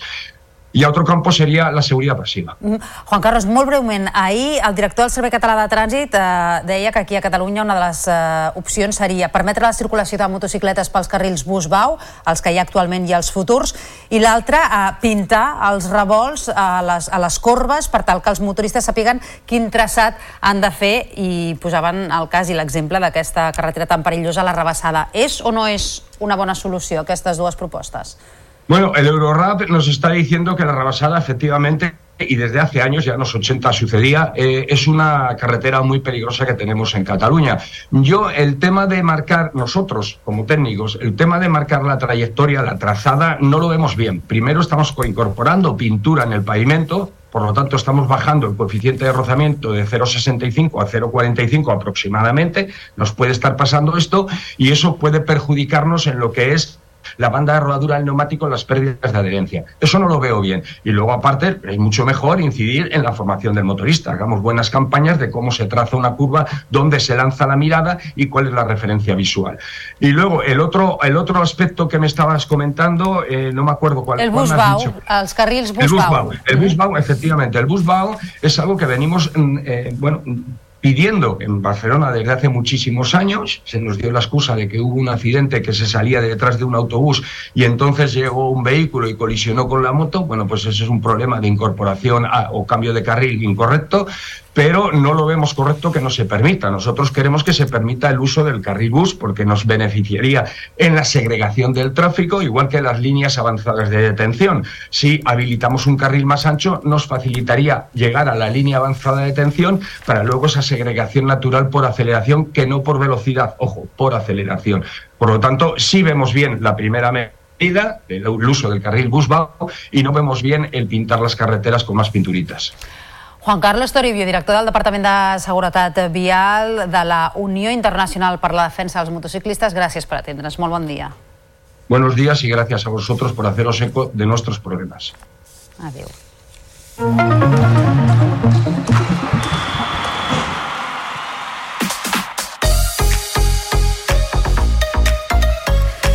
El Girona no afluixa i va sumar un còmode triomf sobre l'Alavés per 3 a 0, que el manté líder en solitari de la primera divisió.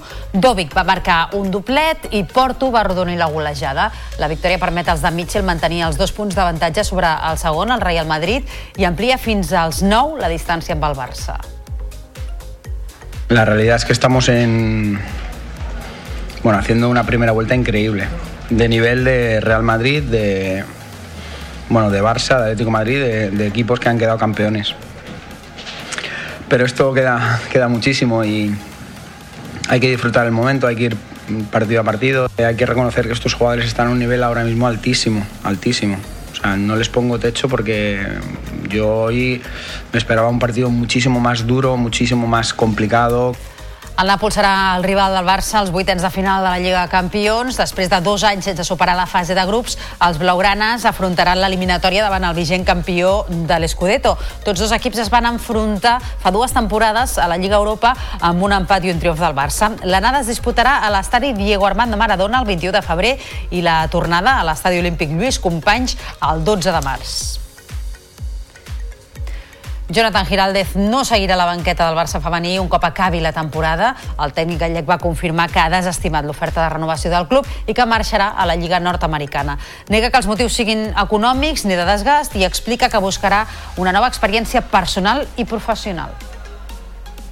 la inquietud que tengo eh, desde el punto de vista personal y profesional de, de- crecer, de intentar eh, ser mejor eh, persona, ser mejor profesional, tener más competencias, estar más preparado eh, en la vida. No estoy para nada desgastado, en absoluto. Tengo muchas ganas de entrenar, tengo una relación magnífica, considero que tengo una relación magnífica con las jugadoras, con el staff, A la segona divisió, l'Espanyol rep el Burgos a dos quarts de deu amb la necessitat de capgirar la mala dinàmica de resultats. Els blanquiblaus només han sumat dos punts dels darrers nou possibles i no guanyen des del 26 de novembre. L'equip tindrà les baixes de Pol Lozano i José Grajera per sanció i de Cabrera, que no s'ha recuperat a temps. I falten 18 dies perquè comenci el Rally Dakar i els equips ultimen els preparatius. És el cas del KH7, que hi prendrà part amb Laia Sanz en motos i Isidre Esteve en cotxes. També comptarà amb el campió impulsat, amb el camió impulsat amb hidrogen, amb Jordi Joventeny, José Luis Criado i Xavier Ribas. Laia Sanz afronta el rally per 14a vegada i per Isidre Esteve serà el 19è. I així l'afronten. Que l'objectiu és disfrutar, um, perquè això voldrà dir que anem bé. Uh, poder fer tapes netes, poder portar el nostre ritme, que crec que, que l'any passat, quan teníem trossets que podíem córrer, vam demostrar de tenir un bon ritme, per tant, amb moltes ganes d'això, de, de fer tapes netes i portar el nostre ritme. amb tot el nivell que hi ha, fer dels 20 primers seria un bon resultat. Naturalment ens agradaria estar més a prop del 10 que no pas del 20, però som conscients de que hi ha 72, 73 pilots en aquesta categoria i de que en els darrers anys hi ha molta igualtat mecànica.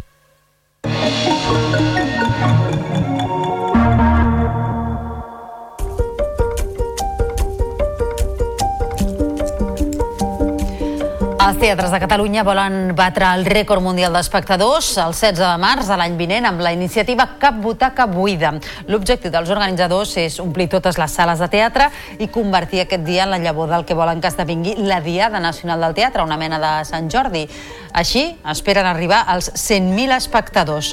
Tot plegat també amb fins solidaris, ja que es destinarà un mínim del 2% de la recaptació total a Pallassos Sense Fronteres. I l'any 2024 serà un any important per a la ràdio i és que se celebren 100 anys de la ràdio a Catalunya. Per aquest motiu es faran diferents actes de celebració. En l'organització de l'esdeveniment no hi faltarà aquesta casa. La xarxa audiovisual local farà tres projectes al llarg de l'any. El podcast informatiu, la celebració del Mercat Audiovisual de Catalunya i una programació especial de 12 hores per posar de relleu el paper de la ràdio local. Xavi Casinos, director de Relacions Institucionals de la xarxa, ha volgut destacar que sense les ràdios locals, on va començar tot, aquest mitjà no seria el mateix. en aquell moment president de la Generalitat, Francesc Macià, que va descobrir en la ràdio un mitjà doncs, per poder eh, difondre el, els missatges polítics i qualsevol cosa i ell va, va donar instruccions a, a la seva gent perquè ajudessin a totes aquelles persones que volien posar en marxa una ràdio. I així van néixer moltes ràdios en els diferents municipis de Catalunya, configurant un ecosistema, jo diria pràcticament únic al món. Rafael tornarà a Barcelona l'any vinent amb el seu aclamat Victoria Tour. Seran dos concerts exclusius al Gran Teatre del Liceu els dies 29 i 30 de setembre. A més de presentar el seu disc Victoria, l'artista també repassarà els millors clàssics del seu repertori. Mi gran noche, Jo soy aquel, Como yo te amo i un llarg etcètera de lletres i melodies que fa més de sis dècades que marquen a diferents generacions.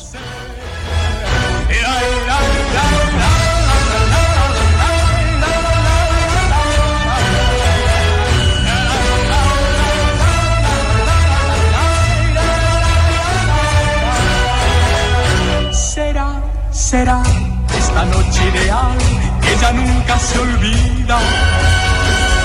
Podré reír y soñar y bailar disfrutando la vida. Tristeza y el mal y las penas del mundo. Y escucharé los violines cantar en la noche. La xarxa de comunicació local.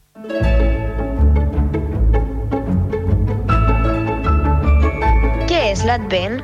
En la tradició catòlica, l'Advent són les quatre setmanes anteriors al Nadal. La paraula llatina adventus vol dir arribada. Per això, aquest és un temps per reflexionar sobre la figura de Jesús i preparar-se abans del seu naixement. I el calendari d'Advent? El calendari d'Advent, que va de l'1 al 24 de desembre, serveix per comptar els dies que falten pel Nadal. Segons una tradició alemanya del segle XIX, la canalla encenia una espelma cada dia d'Advent. Cap al 1920 es va fer el primer calendari, amb el qual cada dia regalava als nens una xocolatina o una llaminadura. Per què es decoren els avets per Nadal? Molt abans del naixement de Jesús, moltes cultures tenien la tradició d'oferir arbres als seus déus per celebrar, amb l'arribada de l'hivern, el començament del cicle anual. En triaven un que es conservés verd tot l'any, com l'avet. En estendre's el cristianisme, es va agafar aquesta tradició ancestral per celebrar el Nadal. La idea de decorar aquest arbre amb llums, estels o boles de colors és més recent i no se sap molt bé com va sorgir. Habitualment, però, l'origen d'aquest costum se situa a l'Alemanya medieval i fins i tot hi ha llegendes que el relacionen amb el rei Artús, el famós rei bretó dels cavallers de la taula rodona. Els supertafaners ho volen saber tot del Nadal, de l'editorial Larús, és un dels llibres que les ràdios locals et regalem a aquestes festes. Escolta contes, poemes i supertafaneries a Lletres de Nadal, a la teva ràdio local i a la xarxa més.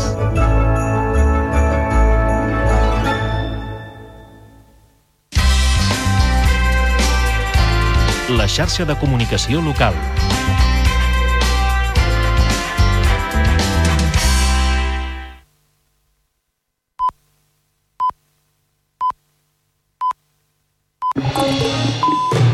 Notícies en xarxa, edició matí.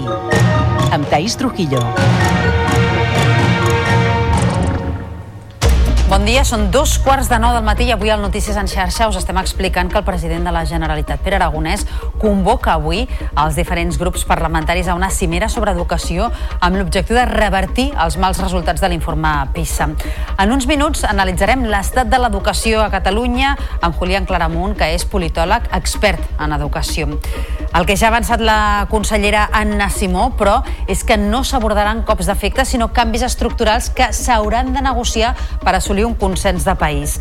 La lluita contra la segregació escolar i la pobresa infantil seran el punt de mira del debat polític. També us estem explicant que Salut canviarà el model d'atenció pediàtrica a partir de l'any que ve.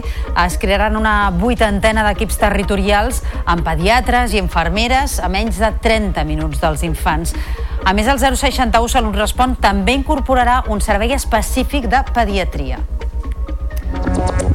I encara en matèria de salut, el govern engega un pla pioner contra la violència obstètrica amb l'objectiu de posar fi a pràctiques inapropiades, rutinàries o no pactades.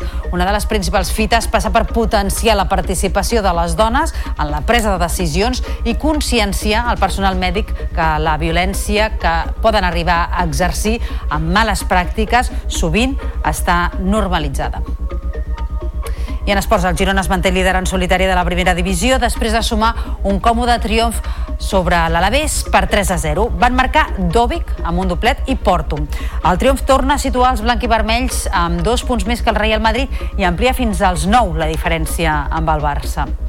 I en Cultura els Teatres de Catalunya impulsant per primera vegada una Diada de les Arts Escèniques. Es dirà Cap butaca buida i es farà el dissabte 16 de març del 2024. L'objectiu és omplir totes les sales de teatre i convertir aquest dia en la llavor del que volen que esdevingui la Diada Nacional del Teatre. Notícies en xarxa, edició matí. Avui és el dia de la cimera d'educació convocada pel president aragonès. Aquesta és la primera reunió per segellar un acord de país amb l'objectiu de revertir els resultats de l'informe PISA que van caure com una llosa sobre la comunitat educativa catalana. La consellera Anna Simó ha avançat alguns dels objectius de la reunió convocada pel president de la Comissió d'Educació que s'ha celebrat aquest dilluns al Parlament. Ens ho explica l'Anna Ruiz. La responsable d'Educació del govern català ha reiterat que no es necessiten cops d'efecte, sinó canvis estructurals, que s'hauran de començar a negociar en la cimera d'avui dimarts. I alguns d'aquests canvis o mesures consensuades es podrien aplicar ja al proper curs. Hem de fer un marc de debat que no s'allargui excessivament en el temps, que ens permeti ja impulsar mesures pel curs 24-25 i fer i treballar amb un nivell també de mitjà i llarg termini a dues legislatures més. Estic convençuda que farem una aproximació important en la reunió que tindrem tots els grups parlamentaris sobre aquest marc de treball i, i de debat. L'informe PISA i les últimes competències bàsiques han posat sobre la taula evidències que les coses no funcionen bé a les aules catalanes, davant un mapa de centres especialment complex i desequilibrat pel que fa a l'aprenentatge, les competències assolides i l'equitat. A la cimera educativa d'avui s'haurien de posar les bases d'una estratègia comuna de totes les formacions polítiques per revertir la situació. Els partits, amb l'excepció de Vox, que no hi està convidat, aniran a la cimera convocada avui pel president aragonès al Palau de la Generalitat per revertir els mals resultats de l'informe PISA. El PSC, Junts, Comuns i la CUP s'ofereixen al govern per afrontar la crisi de l'educació, però li demanen un gir. I de la seva banda, Vox, Ciutadans i PP qüestionen la immersió lingüística. Aquesta cimera no pot quedar en una mera declaració de bones intencions, sinó que és una cimera que ha de permetre posar fil a l'agulla, eh, posar qüestions concretes al damunt de la taula, pressupost, calendarització sobre les accions que s'hagin de dur a terme per tal que siguin efectives. Els acords s'han de fer amb inversió educativa, per exemple, per poder també desplegar de forma correcta el decret d'escola inclusiva al nostre país i que hi hagi menys improvisació per part del departament. Doncs eh, per tal d'analitzar el paper i els objectius de tot el debat polític que s'ha generat sobretot en les últimes setmanes a l'entorn del sistema educatiu i de les seves febleses, establim ara connexió amb Julián Claramunt, que és politòleg, expert en educació. Julián, molt bon dia. Molt bon dia. Vist el que estem veient aquests dies i en eh, mesos anteriors, anys anteriors, eh, hauríem de dir o podríem dir que l'educació és prioritària per a la nostra classe política? Clar, aquí segurament es dona una, una paradoxa. Jo estic convençut, i segur que vosaltres també també ho, est ho estaréis, que quan, eh, quan si els hi demanéssim si realment eh, és una prioritat per a ells, estic convençut que entre les tres principals polítiques més, o entre les polítiques més importants, segur que la gran majoria, o per no dir tots, eh, les citarien, citarien l'educació. No? Una altra cosa és eh, el que passa després. I jo mm, no vull pensar en que això sigui una... que ens menteixin no? directament, sinó que la política educativa té una sèrie de, de casuístiques que la fan especialment eh, complexa, que la fan especialment bé, eh, eh, la mirem amb especial eh, no? gelosia i això fa que, que sigui més difícil eh, donar-li aquesta importància que després segurament tothom, tothom eh, li dona o que tothom percep que realment, realment té. Mm -hmm. Han de servir, serveixen eh, cimeres, eh, com la que es planteja a partir d'avui per abordar eh, qüestions específiques, com és el cas que ens ocupa, eh, l'educació, i parlar d'un gran pacte de país, no? que tot això ho hem escoltat sobretot després dels mals resultats de l'informe PISA. La solució passa per aquí, per un pacte de país. Què hauria d'incloure un pacte de país en educació perquè fos efectiu i perquè es notés en els resultats? Sense cap dubte és molt difícil, per no dir impossible, imaginar un canvi real, no? important, o una transformació eh, gran de, del nostre, de la nostra política educativa i del nostre sistema educatiu si no és mitjançant un gran acord de, de país. I la prova i l'exemple són que els països que són referents en PISA, però també referents en educació, no, no només en, a nivell de resultats, en els que ens fixem, eh, han arribat en aquests acords. No? I, I la importància al final resideix en donar-li continuïtat al model, al model educatiu. Eh, això el que demostra passa amb moltes, la gran majoria de polítiques públiques que requereixen més temps que una o dues legislatures. No? En el cas de la política educativa és, és evident perquè eh, pensem que perquè, per poder valorar-la com a mínim necessitem que una generació, no? que un grup de nens i nenes hagi passat per tots els nivells eh, de l'educació obligatòria per poder com a mínim fer una primera avaluació. No? Això requereix un temps que la política eh, avui dia, que és molt immediata i que a més està excessivament polaritzada, no té. En, cap cas, en tot cas, eh, la, la convocatòria d'aquesta cimera va en la bona direcció i jo crec que hi ha espai per trobar un cert acord amb unes majories polítiques que puguin ser realment, relativament estables a Catalunya eh, per, poder, per poder donar estabilitat a la nostra política, educa política educativa.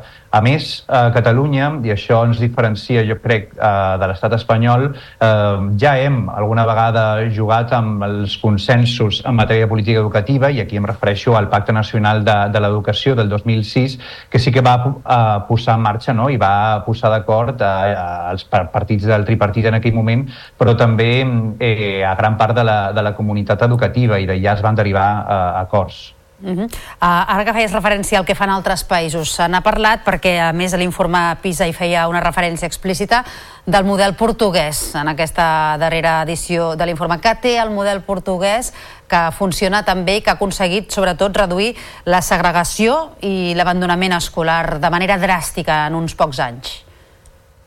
El model portuguès és especialment eh, interessant per, per nosaltres principalment perquè si fem, no, eh, quan, quan moltes vegades xerrem de política educativa ens fixem en els països nòrdics, en els països del nord d'Europa, a vegades en Corea, no, a vegades en Japó, eh, són països que culturalment per a nosaltres queden, queden allunyats, no? Però el cas portuguès eh, és especialment interès, interessant perquè eh, ens permet una, compara, una comparativa eh, amb la qual segurament ens sentim molt més còmodes, no? A nivell cultural, a nivell polític, no? Tenen un sistema polític relativament, relativament comparable també, no? I, i al final, i el cas portuguès és és, per això és, és molt destacat, perquè se'n deriva de, ara fa ja, ja més d'una dècada, no? més, de, més de dues dècades de fet, eh, van rebre un cop molt fort eh, mitjançant el que es denomina en política educativa un xoc PISA, no? uns resultats PISA que li situaven per sota dels nivells de la OCDE a molta distància. No? Un poc comparable al que ens estem trobant a, a Catalunya, a Espanya o a França, segurament fins i tot més greu no? en, en aquell moment. Això va suposar va ser un terratrèmol absolut a la política portuguesa i es va aconseguir fer el que aquí no hem aconseguit fer, que és asseure a les principals forces polítiques per dotar de continuïtat a la seva, a la seva política educativa. I en l'anterior PISA, no, no en aquest que acabem de rebre, que no els ha caigut tan bé, segurament perquè han patit molt eh, la qüestió de, de la Covid, però l'anterior sí que van obtenir un gran, una gran pujada que va fer que comencéssim a xerrar del model eh, portuguès, que va posar damunt de la taula un consens tan important com és, per exemple, fer eh, que l'educació obligatòria fos fins als 18 anys, però també la lluita contra la segregació, com vostè comentava, però també eh, un pacte nacional perquè siguin públiques les activitats extraescolars no? i tot aquest pla que, que també és referents, referència a nivell internacional. No? Eh, I aquests consensos només es poden desplegar amb constància en el temps i, quan, i que quan hi hagi canvis de govern aquests grans consensos no s'hagin no de tocar. On sí que hi ha consens generalitzat és amb el tema de la immersió lingüística, però mm, també aquí hi ha algunes formacions polítiques i estem veient aquests dies amb aquesta visita dels europarlamentaris per, per qüestionar no, aquesta immersió i per parlar de l'escola bilingüe. Um, és prou fort el model de la immersió lingüística com perquè pugui trontollar per aspectes com el que estem veient darrerament? Jo penso, eh, sincerament, que el model d'immersió lingüística eh, no està en dubte amb les majories polítiques que veiem a, a Catalunya, no? dins eh, de Catalunya. Segurament, quan pugem a política estatal, aquesta, aquesta, aquest consens no és, no és tan gran. No? Pel que fa a Catalunya, això no, no, eh, no hauria d'estar en dubte o no hauria d'estar de, de, en joc. Sí que és cert, no? i el que, el que sí que és cert és que, que bueno, partits com eh, el Partit Popular o la dreta espanyola sí que ho posen en dubte i la prova és aquesta visita d'europarlamentaris que estem eh, rebent eh, aquests dies eh, a Catalunya no? i que vol posar en dubte eh, la, la, el model d'immersió lingüística i la situació d'infrarrepresentació de, del castellà eh, a les aules de, a les aules de, de Catalunya. Eh, jo crec, i sincerament eh, ho penso, que el model d'immersió lingüística està consolidat i ho està en l'espai polític i en l'arena política que és important, que és l'espai polític, eh, l'espai polític català. Eh, amb tot, eh, sí que és cert que, que bueno, hi haurà forces que, que ho posen en dubte i espais que ho posen en dubte, que tenen un pes relatiu, un pes eh, relatiu, eh, però jo crec que està lluny de que veiem trontollar aquest, aquest consens sobre la immersió lingüística. Julián Claramunt, politòleg expert en educació, gràcies per haver-nos atès avui al Notícies en xarxa. Molt bon dia. Moltíssimes gràcies.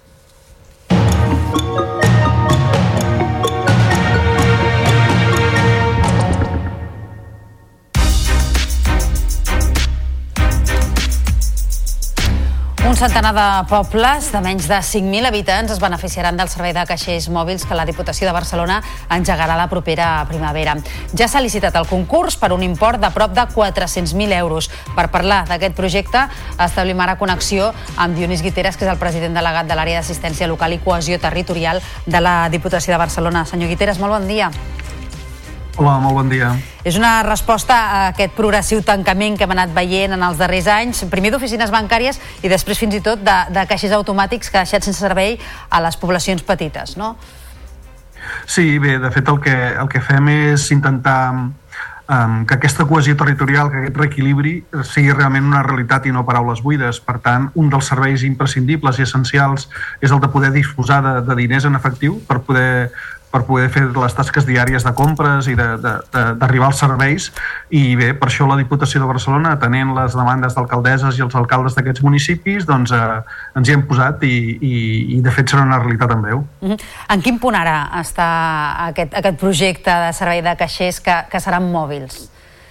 Doncs bé, ja, ja el tenim en la fase de la confecció de les rutes, del diàleg amb els alcaldes i alcaldesses per veure quin és l'espai, no? quina és la plaça o el carrer on consideren que és millor tenir el vehicle estacionat per prestar el servei i també amb les converses amb els Mossos d'Esquadra per, perquè aquestes rutes doncs, estiguin també en coneixement en cas de qualsevol emergència o incidència. Uh -huh.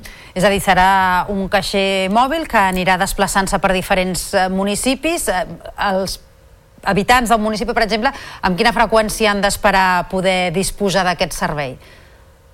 Bé, el, el que serà una mica, jo, jo el comparo amb el bibliobús, no? Sí. Que això sí que ho coneixem bé des de la casa. Um, no, no pretén allargar-se en el temps com el bibliobús, que, que fa dècades i dècades i molts anys que, que, que aquest servei és, és, és essencial pels municipis.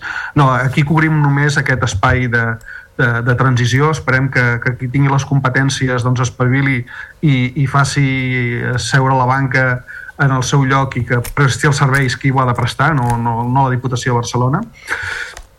I, i bé, en definitiva, eh, aquesta, aquesta és la, la, la realitat i la situació. Ara estem en aquest punt, de punt de començar. Esperem que a finals de febrer, primers de març, ja sigui una realitat.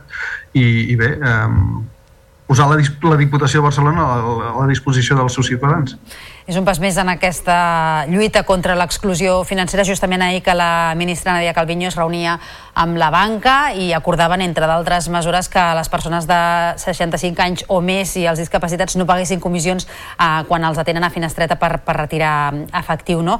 Eh, més enllà d'aquest pas, per exemple, que fa la Diputació, què és el que se li ha d'exigir al sector bancari i també al govern central per continuar avançant en que aquests serveis estiguin disponibles per tothom independentment dels seus coneixements digitals i, i del seu accés a internet?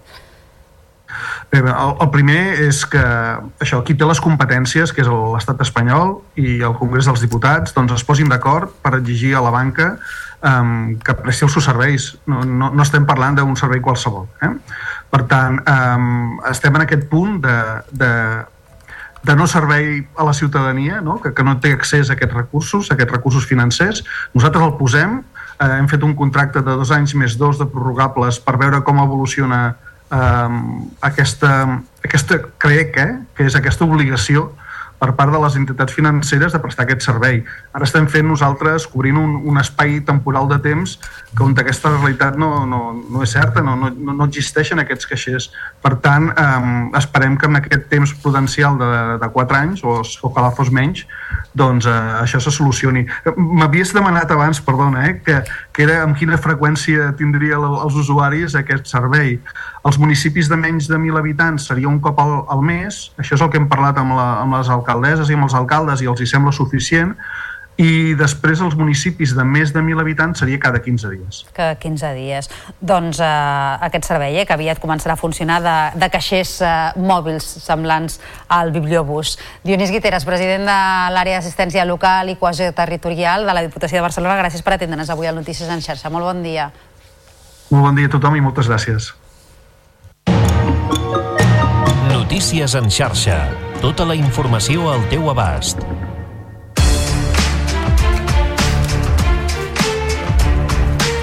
Salut canviarà el model d'atenció pediàtrica a partir del 2024. Es crearan equips territorials amb pediatres i infermeres en les diferents regions sanitàries. A més, el 061 Salut Respon també incorporarà un servei de pediatria. El model, que va presentar ahir el departament, però genera reticències entre les famílies. Ens ho explica el nostre company David Benito. Salut crearà 79 equips territorials d'atenció pediàtrica a tot Catalunya que s'aniran desplegant a partir de l'any 2024. De fet, 25 equips ja estan en funcionament en algunes regions sanitàries. Cada equip estarà format per diversos pediatres i infermeres pediàtriques i atendran a infants i joves de fins a 14 anys. Uns equips que podran estar o no en un mateix edifici. Tot i això, Salut garanteix que no superaran els 30 minuts de desplaçament amb els mitjans de transport habituals. Precisament la pèrdua de proximitat és una de les principals preocupacions de les famílies. El conseller Manel Balcells assegura que no hi ha res definit i que s'ajustaran els equips a cada territori. Diria que se'l mirin bé, el, el pla, que se'l llegeixin primer, que esperin, que, es, que ho anem desplegant i anirem desplegant eh, tranquil·lament en un any, a tot arreu, amb els equipaments necessaris i amb, i amb els recursos necessaris. Per tant, que ningú s'esveri. Salut també incorporarà el servei de pediatria al 061 Salut Respon. Fins ara la línia telefònica només servia per urgències en el cas de pediatria. A partir del gener de 2024 hi haurà un equip especialitzat per atendre consultes no urgents de les famílies. A Sabadell ja s'ha aprovat aquest model i la plataforma per una sanitat 100% pública en fa una valoració negativa. La seva portaveu, Xus Merino, ha assenyalat les condicions laborals dels pediatres als centres de primària com a factor que els empenya a preferir a treballar als hospitals. Ha explicat que a Sabadell ha desaparegut la figura del pediatre de molts ambulatoris. Aquest matí es mobilitzen amb altres entitats per protestar per aquest pla davant del Departament de Salut. Nosaltres creiem que el problema no és tant que no hi hagin professionals, sinó les condicions laborals i la manera en què es tracta el personal. Nosaltres considerem que la pediatria, a veure, jo he treballat, treballo a l'Hospital per Taulí i he treballat molts anys de pediatria i no és només una especialitat com pot ser otorrino o qualsevol altra, sinó que les criatures tenen unes especificitats que és superimportant que les persones que el tracten les coneixin. El govern engega un pla pioner contra la violència obstètrica amb l'objectiu de posar fi a pràctiques inapropiades, rutinàries o no pactades. Una iniciativa dotada amb un pressupost de 7 milions d'euros que planteja mig centenar d'accions fins al 2028 amb l'atenció dels parts al punt de mira. És una crònica de Lluís Mata. El pla del govern preveu formacions no obligatòries per als prop de 2.500 professionals que s'encarreguen de l'atenció de la salut sexual i reproductiva del sistema públic i concertat. Una de les principals fites passa per potenciar la participació de les dones en la presa de decisions i conscienciar el personal mèdic de la violència que pot arribar a exercir amb males pràctiques massa sovint normalitzades. Manel Balcells és conseller de Salut i Tània Verge d'Igualtat i Feminismes. I si veiem que hi ha un increment de cesàries en el sistema privat, hem de posar-hi l'ull perquè no pot ser que hi hagi més cesàries el divendres que el dilluns. I no pot ser que hi hagi més cesàries abans de les festes de Nadal que després. I no pot ser que hi hagi parts induïts quan no toca. Això es diu qualitat. Reconeixem que té una gravetat diferent quan s'estan exercint aquestes violències des d'un organisme o una institució pública. Per això tenim el deure de revisar totes aquelles pràctiques que no garanteixin adequadament els drets. El pla inclou també l'ampliació de centres de naixement de parts naturals més enllà del de Can Ruti i formació específica en diferents temàtiques com l'endometriosi, la interrupció voluntària de l'embaràs i l'acompanyament en la pèrdua perinatal.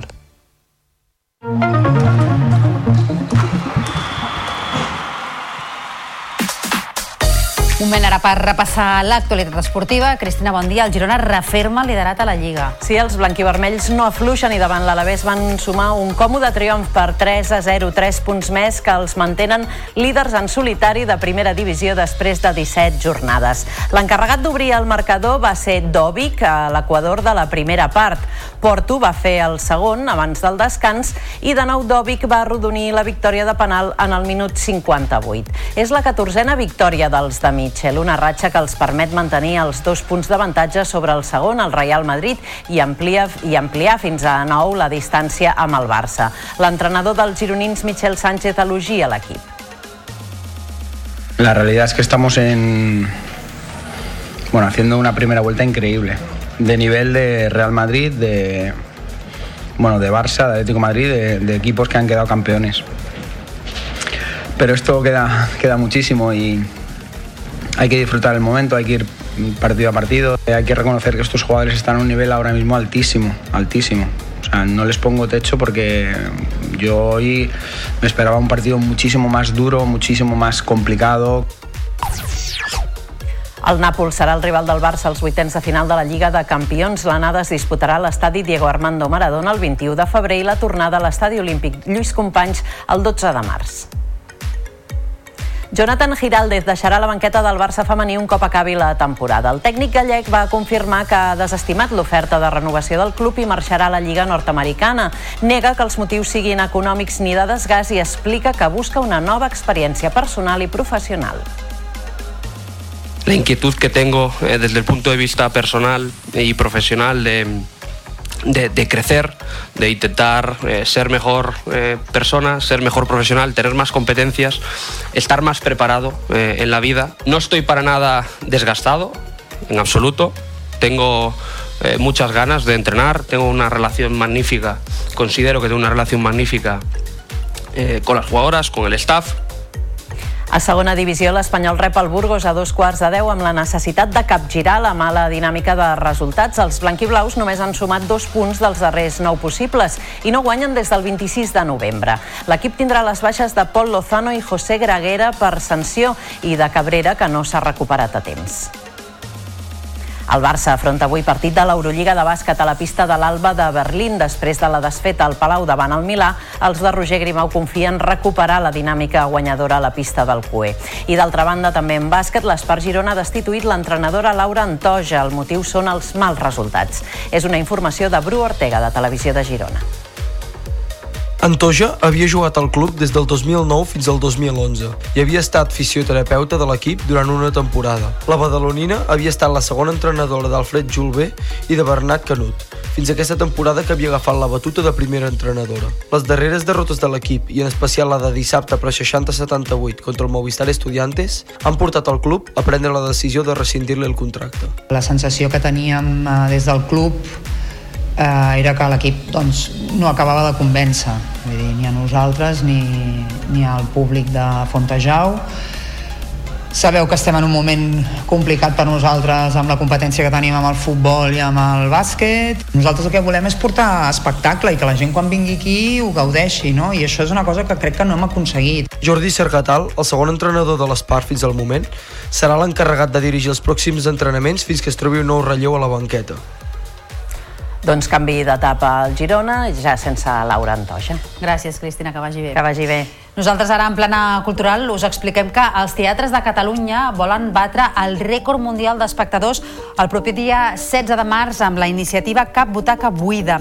L'objectiu dels organitzadors és omplir totes les sales de teatre i convertir aquest dia en la llavor del que volen que esdevingui la Diada Nacional del Teatre, una mena de Sant Jordi. D'aquesta manera esperen arribar en aquella jornada als 100.000 espectadors. Ho deixem aquí, tornem demà, que passin un bon dimarts.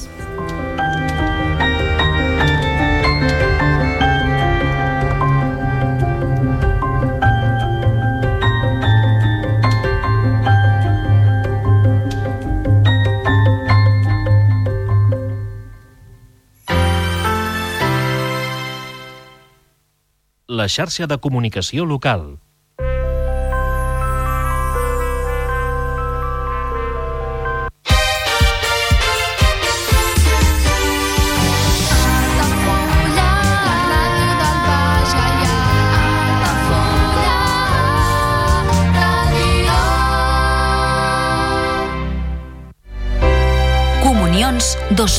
2024. Dates ja disponibles amb sales privades, jardí, pàrquing privat i la millor gastronomia. Més informació i reserves al 977 65 11 55 i a comercial arroba altafullamarotel.com o al web altafullamarotel.com. Les teves celebracions familiars a l'Altafulla Mar Hotel. Ja coneixes les propostes que t'ofereix el Club Marítim Altafulla? Vine i descobreix totes les nostres activitats. Sortides en caiac o pa del surf, cursos de vela per a totes les edats. No t'ho perdis i gaudeix d'un dels esports més segurs d'aquest any. Club Marítim Altafulla. Obert tot l'any i per a tothom. Carrer Major, el programa de les emissores del Camp de Tarragona. Cada dia de 4 a 6 de la tarda, el que passa al Camp de Tarragona t'ho expliquem amb la major redacció d'un programa de territori quilòmetre zero. Periodisme de proximitat, continguts de qualitat, amb Anna Plaza i Toni Mateos. Carrer Major. Al meu país la pluja no sap ploure. Canvi climàtic asseca els rius, posa en risc l'abastament d'aigua i la producció d'aliments. Treballem per fer front a la sequera i garantir l'aigua, però cal l'esforç de tothom. Cada gota compte. La pluja no la controles, l'aixeta sí. Generalitat de Catalunya, sempre endavant.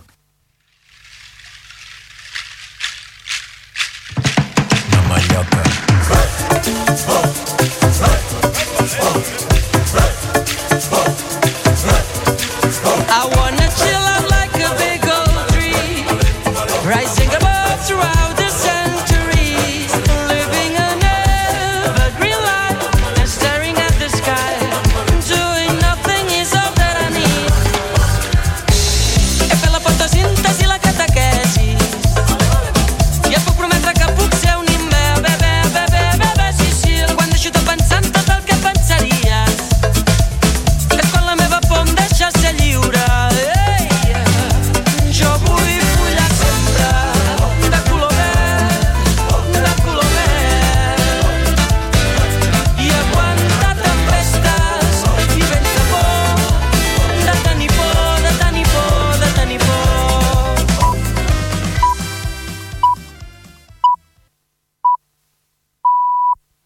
Són les 9 del matí.